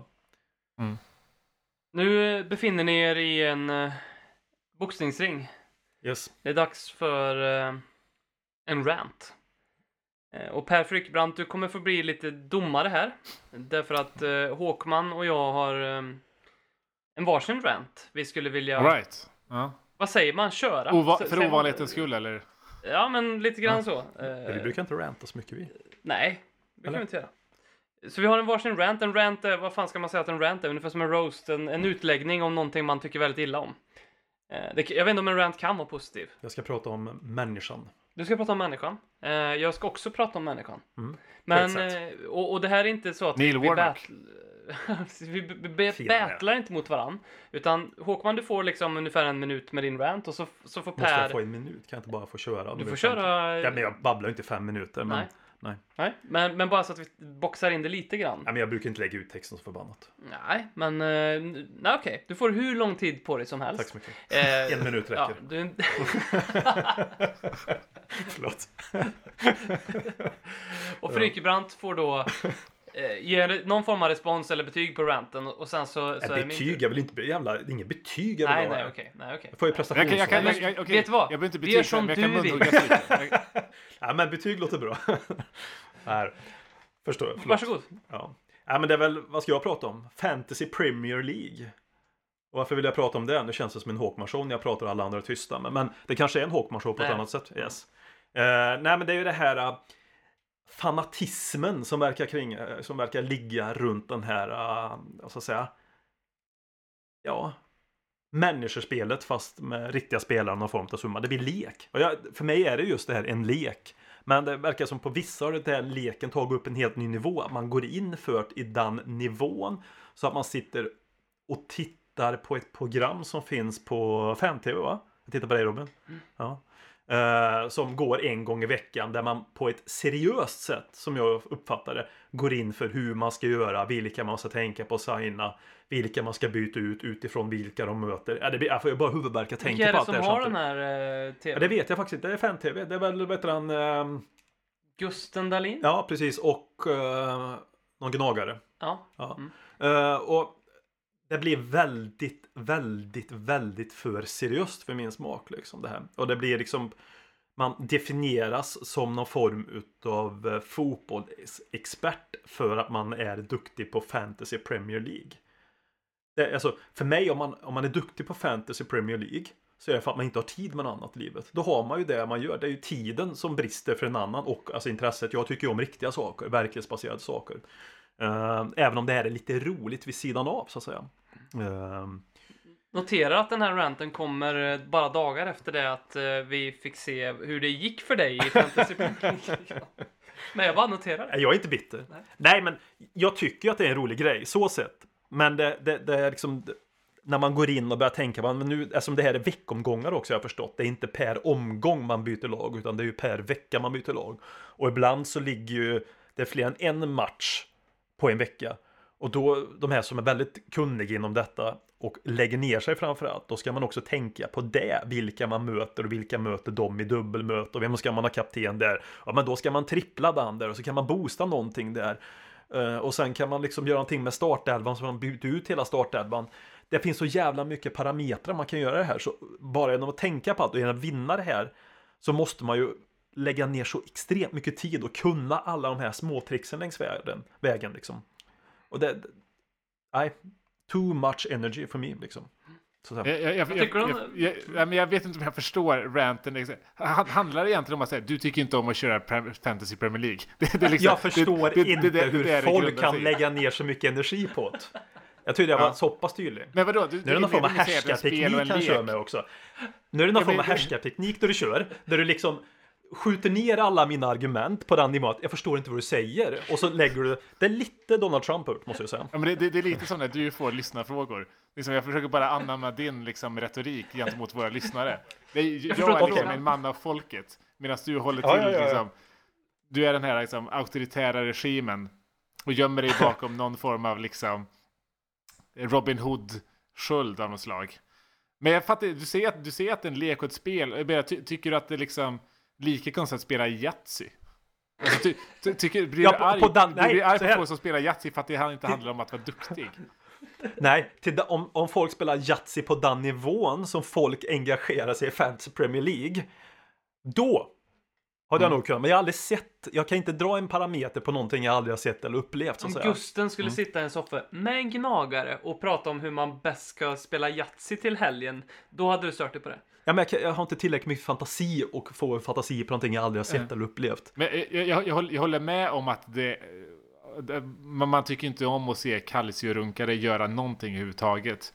Men, alltså, så, jag, jag, jag tycker Fantasy Premier League är kul. Det är, ett, det är ett sätt att hålla igång sportintresset och att kunna prata om det på andra sätt. Och är det någonting som ändå man har uppskattat hämtas från en amerikansk eh, sport och supporterkultur så är det väl ändå liksom fantasy-traditionen.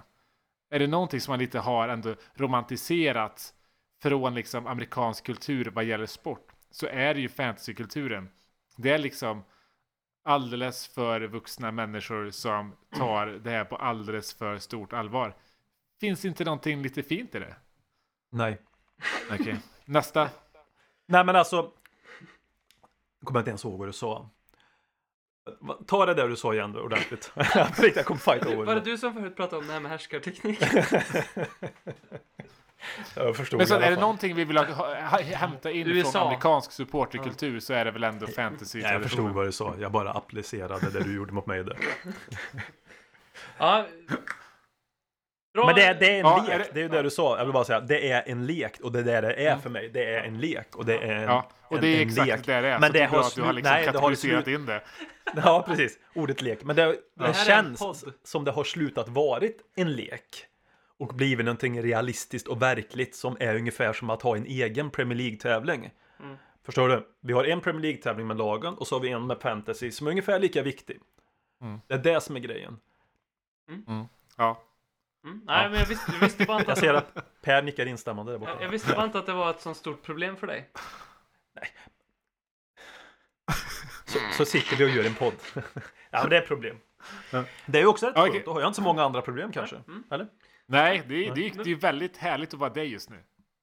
Ja, Så ja precis. Så att Du- det, är du- ditt, du det är är- ditt största du- problem. Du är City-dokumentären. Ja, det är det Fy verkligen. fan Du vilken jävla fet jävla diss. Fy fan. Är. Jag är City-dokumentär. Ja. Ja, Mitt liv ses ju mer som eh, En Sandland-dokumentärer måste jag dokumentär om ditt liv nu skulle vara fruktansvärt bekväm. Lite för bekvämt. Ja. Jag får gå ut och göra någonting dumt. Jag skulle vilja ranta om eh, fankonton på Twitter. Det här är något som jag börjar lägga märke till och som jag verkligen inte förstår.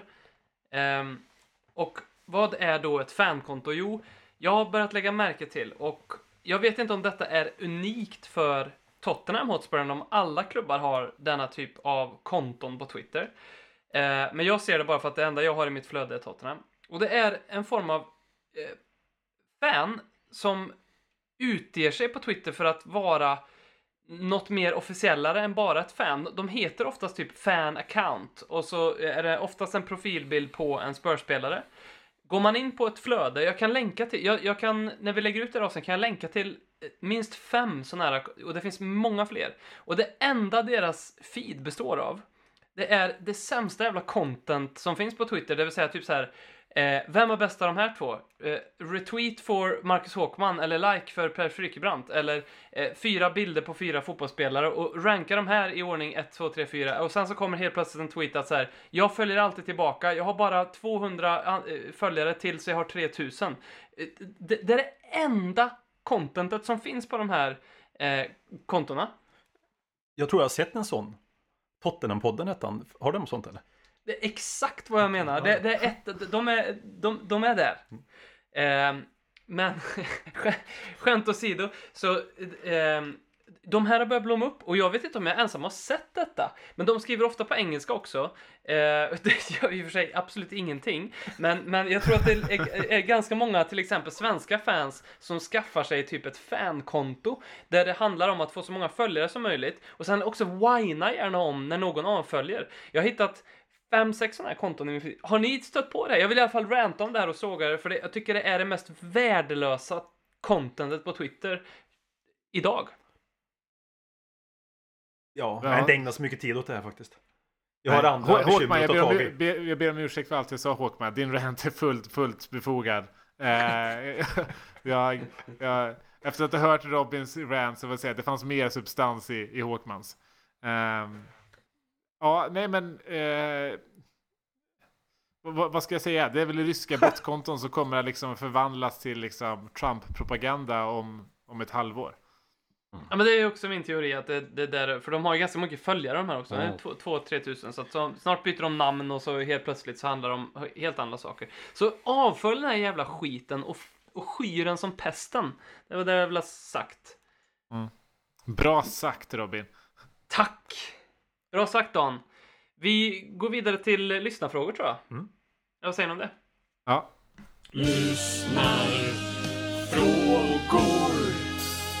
Jajamensan, då har det blivit dags för lyssnarfrågor i Ledley Kings knä. Du vet väl om att som premiummedlem i Ledley Kings knä för endast 1950 kronor i månaden, ja, endast 1950 kronor i månaden, alltid kan få just din fråga uppläst i ett avsnitt av Ledley Kings knä. Bli medlem idag! Let's go. Vi har fått en eh, lyssnarfråga från Anonym här. Hej Lelle Kings knä och tack för en trevlig podcast. Nu till min fråga. Jag och min flickvän har den senaste tiden börjat experimentera lite i sänghalmen och det har varit tydligt att det är jag som fått gå utanför bekvämlighetszonen med vissa saker. Jag värdesätter vår relation och gör gärna detta för hennes njutnings skull. Ett givande och tagande är viktigt förhållande tycker jag och därför undrar jag om ni har bra tips på hur man kan få sin flickvän att engagera sig mer i Tottenham. Eh, Dubblera säger jag. Dubblera. Du, Dubblera. dubblera. Vadå? Vad, vad menar du med dubblera? Vad skaffa en till? Alltså, En älskare? Inna? Älskar inna? nej men alltså hon, han vill ju få henne mer engagerad i Tottenham, eller hur?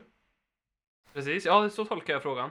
Han har uppoffrat mycket i sänghalmen. Han Precis. vill att hon ska uppoffra för att titta på Tottenham. Då kan man dubblera. Kan ju köra både sänghalmen och matchen samtidigt, säger jag. Mhm. Dubblera. Gör du det ofta eller? Aldrig. Nej. Men nu var det inte mig det här Nej. handlade om. Nej, men jag, jag kan, om, om jag ska eh, ändå ge ett, liksom så här, ett, ett nästan lika bra tips. Så min eh, sambo har ju gått från att aldrig ha sett en fotbollsmatch för två år sedan till att vara väldigt, väldigt intresserad av Tottenham nu. Så, eh, så försöker jag alltid utmana henne inför varje match att hon ska liksom eh, gissa startelvan. Och försöka här, locka fram, jag vet att hon är en tävlingsperson och då försöker jag använda liksom, den delen av henne till att liksom, utnyttja det för att jag ska kunna titta på Tottenham. Eh, genom att utmana henne till att säga men varje vecka ska hon gissa startelvan. Eh, och på så sätt måste hon sätta sig in mer i, i laget helt enkelt och se matcherna. Fin, fin du är Per. Mest manipulativa jag någonsin hört. Vad Det, fin. det, det, ja, nu gillar det, jag Per ännu mer. är kan jag bli anmäld för sånt här? Nej, nej, nej. det, det och sen är när uppsatt du, på en pedestal, säger jag. när du säger till dina barn Håkman att städa i det där rummet så tar jag tid på hur lång tid det tar. Det är ungefär exakt samma nivå. Ät upp maten, annars får ni ingenting på tre dagar. Precis. Ehm, Men jag kan säga, det har ju Gör han verkligen det? det, det? Det har funkat för mig så det, det, det liksom, Ja, ja, jag tror att det är ett bra råd. ja, ja. jag tror också det. Mycket bra råd skulle jag säga. Jättebra råd. Mm. Och sen så, om, om det är så att han, han, hans, var det flickvän? Eh, Kanske gillar att bli liksom straffad så sätt så finns det ju heller inget bättre sätt att bli straffad än att vara Tottenham supporter. Väldigt bra. Okej, bra. jag, jag trodde vi skulle in på ett annat sätt. Men... Ja. Eh, running Man undrar om det finns någon chans att vi får Dybala. Nej. Jag tror inte det längre. Det är alltså på riktigt. Jag vet inte vad Per tror. Men eh, jag vet inte vad du heller tror. Det-. Jag, jag, chans finns det väl, men jag tror ju inte på det om man säger så. Att det blir. nej, nej jag, jag, tror inte heller på det. Det är... Sånt, sånt där går aldrig vår väg. Eh, han måste ha ett, en, eh, ett helt år i frysboxen för att vi ska kunna, kunna få honom tror jag. Erik Eriksson reagerade när vi skulle spela in här på Jäklar vad ni står i. Är det någon som hotar er? Ja. Nej, det är ingen som hotar oss. Vi spelar in skit vi själva vill. Vad sa du? Ska vi Nej. klippa? Eller? Ja. Skulle vi ta bort? Nej, nej. Ta aldrig bort Får vi någonting. fortsätta? Vi får fortsätta. Är det säkert? Mm. Ja. Nära. Eh, Mikkel Thunborg undrar, eh, när ska Torreira sluta dricka bröstmjölk? Han ser faktiskt ut som någon som gör det. Jag har inte tänkt på det innan. Men visst gör han det? Är det för att han är kort? Eh, ja, det kanske det är. För, för Ja, jag, borde- jag har inte berättat det här, men jag, jag var på en fest för tre veckor sedan. Eh, på, det, var, det var ganska vild tillställning. Folk var liksom väldigt berusade redan när jag kom dit liksom halv tio tiden. Och så var det en kvinna där som nyss hade liksom eh, nyss fått barn. Som liksom hade kunde producera br- bröstmjölk. Och så eh, triggades som väldigt mycket av deltagarna på den här festen. Så till slut så efter mycket om och men så serverades det White Russians på bröstmjölk. Det är fan det sjukaste jag har hört. Åh, fan. Åh, Drack du? Nej, jag drack inte. Men de stod ju där som en bartender och bara liksom Kan du inte säga som att du drack i alla fall? Nej, det är underbart. Det är väldigt, väldigt kul. Ja. Skulle, skulle, Bjud in oss, säger jag. Vill gå på mer fester. Det är så de gör i Stockholm tror jag. Ja, ja, det, ja, det, det Ehm, är fint på ytan, men... eh, Sen så kommer precis som i Värmland brösten som, alltid det, är, fram. det är som vilken jävla bondfest som helst i slutändan liksom. Eh, Johan Nygren undrar eh, Apex Triplets eller eh, Tony Rodriguez? Vet vi något mer om frågan? Eller bara ställs han bara så? det är det enda vi vet om frågan. Ja, okej. Men eh, vad fan, det är klart man väljer sin eh, Bayern-kompis, Tottenham-kompis och eh, lyssnare sedan 2013 då. Apex Triplex. Känns inte den solklar? Har du Nej, något att komma man, med där man, Per? nej, exakt. Man får få, han får få lite lojalitetspoäng där för att eh, han har hä- hängt i så länge. För, förutom att veta liksom vad den här frågan faktiskt, faktiskt gäller. Eh, så, så håller jag med dig. Nu är det min tur att hålla med Håkman här. Fint. Mm, ja, det är vackert. Eh, Karl-Oskar Sturén, jag tänkte vi kunde enas på den här eh, utan att lägga ut det för mycket, men fem realistiska drömvärvningar. Kan vi, ska vi få fem ihop här nu? Okej. Ja. Högerback, jag, kan, jag är med på det. Ricardo Pereira. In, inte som en realistisk värvning. Alltså han skulle ändå kosta, jag menar kolla på, bara på vad de krävde för att släppa Maguire. Eh, jag tror att det skulle krävas, inte riktigt den typen av summor, men nästan för att få loss honom. Eh, Det har ju från liksom in the know-håll eh, rapporterats väldigt mycket om att Max Aarons är han som vi ser som liksom vår högerbacksrekryt. Eh, och det är klart att skulle, nu har ju han visserligen skrivit på ett, ett ganska färskt kontrakt, vilket gör att hans situation inte riktigt hade varit så som det var för Sessignon. Eh, men även om Norwich skulle åka ur så skulle han ju absolut gå att få för en rimlig peng, alltså 25-30 miljoner pund. Vilket är rimligt att lägga ut på en, på en ny högerback. Eh, för jag menar de andra högerbackarna som finns tillgängliga som liksom Atal eller Hysaj Eh, ser inte att de nödvändigtvis är så mycket bättre än vad, vad Aarons är idag. Och Aarons har ju en enorm potential liksom, att liksom få använda det här året för att spela in sig i Premier League precis som Sessignon fick. Så att jag skulle nog välja honom på högerbacken där snarare än Pereira. Jag vet inte om du har några andra tankar kring, kring det. Men eh, så tänker jag kring högerbackspositionen i alla fall.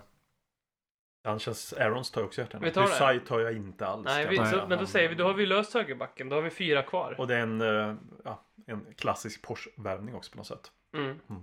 Vi, har, vi har fyra värvningar Vi har kvar. bara här. fyra kvar nu. Ja. Ja, vi måste lösa, nu? Mittback måste vi gärna ha honom va? Vi måste ju lösa Ja, bör- mittbackspositionen Ja, och då har vi ju... väl- Den, den, den känns ju svår. Ska vi säga Ruben Diaz då kanske som... Eh, eh, som gör det bra nu i Portugal. Hyfsat ung, är väl 21 nu. Eh, gör det bra även i landslaget i Portugal. Eh, vet inte alls vilka summor han hade gått för, men absolut en Dombele-summor. Vilket vi även eh, dock verkar vara ganska liksom, bekväma att betala nu. Mm. Så det är någonting Va- sånt. Alltså, de, som, de som vi kopplas ihop med vad gäller mittbackar, de har ju redan flyttat på sig. Så att... Han dansken i italienska Jo, ligan. Joakim också- Andersen gick, han, gick, han gick till Lyon. Joakim Andersen. Okej. okej. Om du tänker på Sampdoria. Ja, ja. ja. okej. Ja, men då är väl Ruben Diaz som jag aldrig hade hört talas om faktiskt. Han är en av mina, Jättefin. en av mina drömvärvningar, här får vi säga. Eh, eh, vi går vid, en målvakt? Nej, Nej, säger jag. ja, vi låter den vara. Eller? Det, det är inte jättefar off. Hugo är ju, det är inte, ja i och för sig var är han 32? 31, 32? Någonstans Nej, där. mer. mer. Men han 33 år då? Han fyllde ju i december någon gång där. Alltså vi värvade ju- alltså han kom ju när han var, var han inte 27 redan, eller 20, 26 när han kom redan? Han blir och han kom. 33. Han, Han, han, han blir 33 ja. Mm. Ja, Det är, ja. Nej men jag vet inte, målvakt, ja. Jag vet inte riktigt. Jag har släppt lite värvningar nu känner jag faktiskt. Det har varit så mycket värvningar. Ska vi bara säga Dybala, Neymar och Messi då som sista så att vi fyller upp de här fem eller? Ja. Eller- Men vad, vad är det vi behöver? Det är ju mer intressant för mig. Vad behöver vi mer? Du för var inne på striker förut. Ja, det kan vi behöva. Mittback kommer vi definitivt behöva. En högerback kommer vi definitivt behöva. Det är väl där omkring beroende på vad vi tappar lite också då. Det är Mm. de bakre regionerna framförallt Nej, men till sommaren som vi behöver värva liksom. Ja. Nej men skulle, skulle Eriksen lämna så, så är vårt mittfält inte starkare än vad det var tidigare säsonger. Så det är klart att det behövs ersättas där. Och då, de namnen som ligger Men närmast då är väl eh, en Jack Grealish, en Hosem Aouar mm. i, i Lyon som gjorde jättebra tillsammans med en Dombele eh, förra säsongen. Bruno Fernandes. Kanske sno Ceballos. Kanske inte helt omöjligt om man... Eh, jo då, det, det är det nog. Eh, men det är väl de namnen som ligger nära till hans. Eh, där Men lika såklart. mycket som det men lika mycket som det var prio eller köpa in i mitt fält så kanske är lika prio till sommaren att köpa mittback. Ja, garanterat. Det, liksom- är, det är vårt projekt. Det måste vara. Ja, ja, det känns 100% så att det är åt det. Oavsett om Toby förlänger eller inte så är det mittback som vi behöver köpa. Ja. Som jag ser det i alla fall. Och är det så att Dyer skulle gå ner och täcka upp så måste vi ändå liksom förstärka på, på mittfältet där. Men någon form av sittande mitt- mittfältare hade varit, Ja, varit fint ja. med där. Men med tanke på vad vi har i de egna leden så tror jag att det är där vi kommer liksom ersätta ifrån vad gäller in mittfältet om, om, om en sittande mittfältare lämnar eller rekryteras i en annan position. Mm, mm. Niklas Hansson undrar hur det ser ut på juniorsidan i Spurs. Ja, Har, vi har vi har- något där eller? Vi har ju haft lite så här, precis som alla engelska klubbar, lite så här, ska inte säga problem, men vi har haft några som har liksom varit de, inte, ja men typ tydligast lysande stjärnor som har lämnat, alltså Rio Griffith eh, gick ju till Lyon eh, i fjol och har inte fått spela någonting där, Bennett gick också. Alltså kollar man på de som är våra mest liksom, lovande junisar, man får se, så är ju såklart Skip och Parrot, de känner vi ju alla till och, eh, och så. Skip var, alltså om man jag tänker att de som får, har fått tid och, och, och speltid i A-laget de senaste säsongerna har ju inte varit de som man tror på förhand. Eh, Skip var inte den som, som jag eller speciellt många andra hade sagt hade varit den som skulle få speltid utan det hade ju snarare varit en Luke Amos eh, som eh, var skadad under hela fjolårssäsongen så var den som var liksom, så här, tydligaste arvtagaren så att säga till att säga, göra en winks. Eh, nu var hela hans fjolårssäsong spolierad och nu är han ju utlånad till Crystal Palace, eller till QPR där han gör det fantastiskt. Får starta varje match, älskad av fansen och är en av liksom Championships bästa mittfältare just nu. Eh, så där har vi absolut någon att liksom eh, förhoppningsvis få se spel, fast det blir under, under nästa säsong. Tanganga, eh, såklart eh, är det många som tycker om nu och han det var ju lite, han kom in lite på ett bananskal. Han har inte alls varit den av liksom mittbackarna som har eh, så att säga eh, liksom profilerat sig mest i, i U23-laget. Han, han kom ju in i U23-laget efter två år sedan som, eh, som 18-19-åring och som så många andra som det händer för mig när man kommer till U23 att man liksom man, man försvinner där. Det är ändå ett stort steg att gå från U18 till U23. Killarna är ju fem år äldre vanligtvis. Och han var en av dem som liksom försvann där i och inte alls gjorde något större, större avtryck. Men, men fick ändå chansen eh, i, i A-truppen så att säga och, och, och tog den eh, mångt och mycket. Skulle man säga, säga någon som vi inte har sett på, på försäsongen eh, som ligger nära till hans så är det väl en Chilo Tracy tror jag som har gjort, han har gjort ett mål och fyra, fyra assist på de tre, fyra första matcherna i U23 här, 21 år. Han är väl den, han, han spelar offensiv mittfältare, lite kantspringare också, så att det är väl en position som man skulle kunna eh, liksom slänga in en, en, en Junis på för vår del. Så det, det är väl liksom någon form av dark horse. Eh, för annars så är vi ju ganska bra att ha våra liksom, Junisar ganska i det öppna, för att vi, vi, vi spelar dem ju under försäsong till skillnad från andra, till skillnad från andra lag. Eh, det är ju någonting som eh, är väldigt fint att se och när man sitter där på försäsongen och har någon dassig stream så är det ju svinkul att såhär när vi ändå inte har några eh, liksom profilerade värvningar att stoltsera med så är, det, så är det kul att få se de här unga spelarna göra sitt. Det är ju en, det är en Pochettino-grej. Det märktes väldigt tydligt när vi mötte Juventus att de ställer upp med sitt A-lag och vi ställer upp med ett, ja men, typ vårt U23-lag. Det är jättefint att se. Men det som det gör, det är så här, varje varje år, vi, varje gång vid den här tiden på året, på säsongen, så säger vi alltid samma sak. Och det är att vi inte verkar tillräckligt samspelta. Och det är ett resultat av att vi inte spelar ihop vårt lag på försäsongen eh, på samma sätt som storlagen, som Juventus som vi möter på försäsongen, gör. Eh, och så fint som det ändå är att se det. Och jag tycker att vi ska fortsätta göra precis, precis så som vi gjort. Men det, det, gör också att vi får betala för det i början på säsongen. Vi är oftast det minst samspelta laget i ligan efter tre, fyra matcher. Det var, det var inte svar på frågan, men jag hade redan svarat på frågan innan.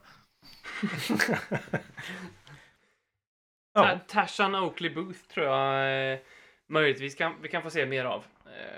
Ja, absolut, absolut. Han är, han är ju en av dem också skrivs lite om han och han var väl två säsonger sedan. Jag tror att han i alla fall var med på bänken i någon PL-match som inte jag mm. minns helt fel. Mm. Edwards har ju dragit nu, det har vi inte nämnt. Men bye, eh, bye. det känns ju bra tycker jag för att eh, absolut att han är en lovande fotbollsspelare, men han verkar vara en fullkomlig idiot. Eh, lite så. Lite så. Han har ju, vart han än har varit så har han ju varit problem. Och jag läste två artiklar eh, idag, för jag ville kolla upp lite med, där journalister har först i Excelsior och då eh, träffat han under tiden han var utlånad där.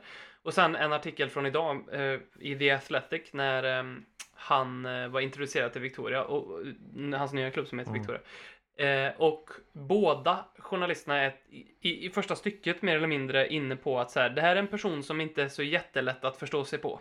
Eh, och det var precis det Daniel Fark i Norwich sa. Det var precis det Pochettino sa i sin eh, självbiografi.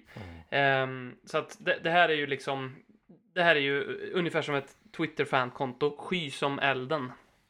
Ja, nej men exakt. Men är det, är det någonting man kan lära sig av de talangerna som vi släppt på senare år, eller nästan alltid, så är det att det är sällan så vi släpper junisar av misstag och att de sen går och visar sig bli någonting. Vi brukar alltid göra ganska rätt bedömning där.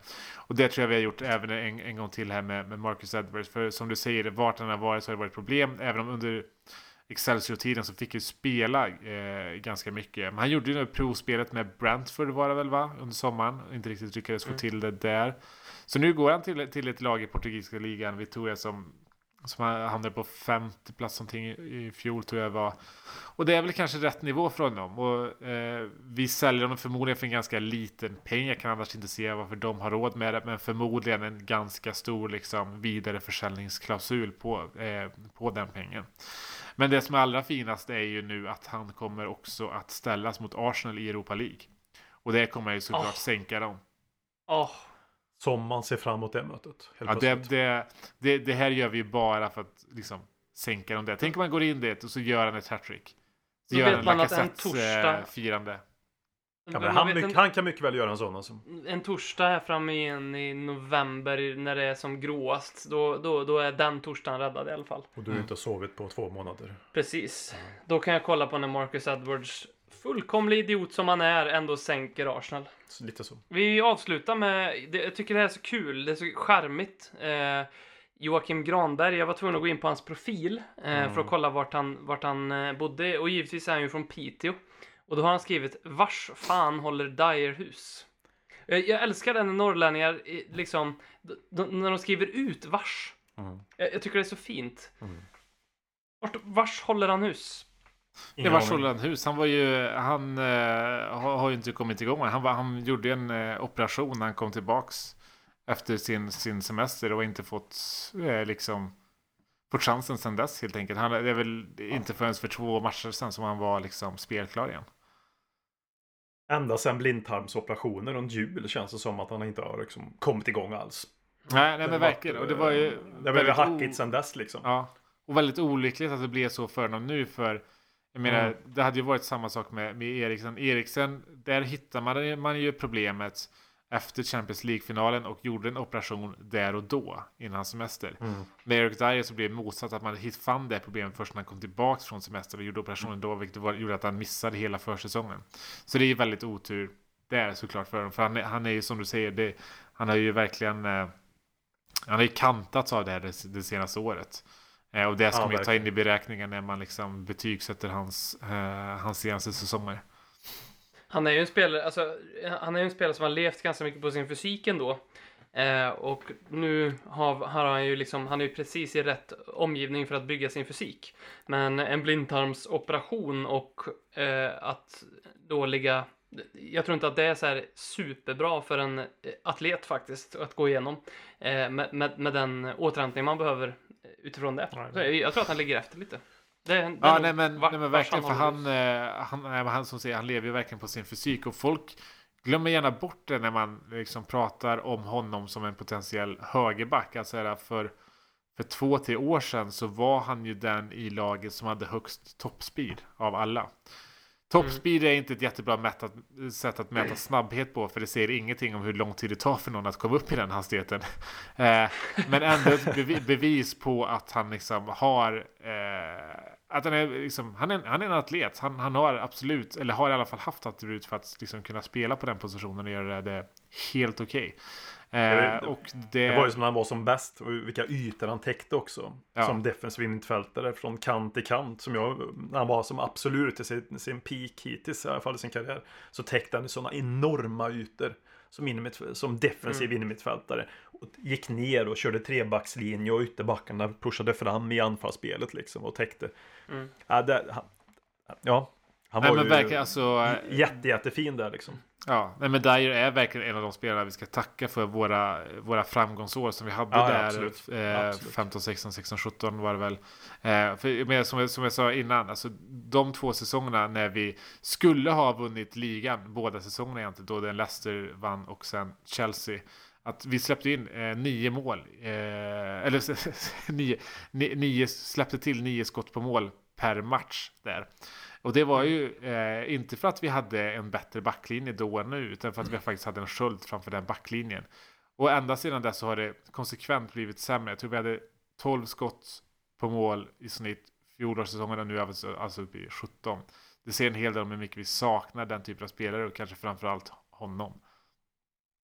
Honom där och då. I alla fall. Mm. Ja, och hans frisyr exakt. också kanske lite också. Och sen Ja. hans inställning, han stod upp för laget och han hade, alltså, det var flera parametrar in där som jag tyckte. Han var, ja, Vars fan är han egentligen? han var en gris liksom. Det var också en sån spelare som jag, tror- som jag tror många motståndare, supportrar tyckte illa om, kan jag tänka mig.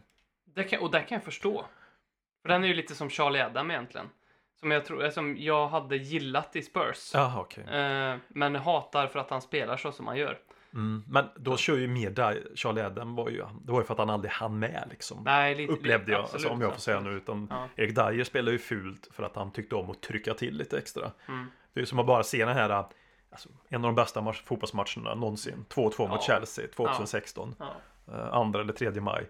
När man ser det här ihopklippet på Eric Dyer, uh, nu är det bara 20 sekunder visserligen, att han han går ju därifrån utan att bli utvisad. Ja, det är helt liksom. Helt sjukt är det. Han kapar ju någon där i slutet så han själv nästan blir skadad.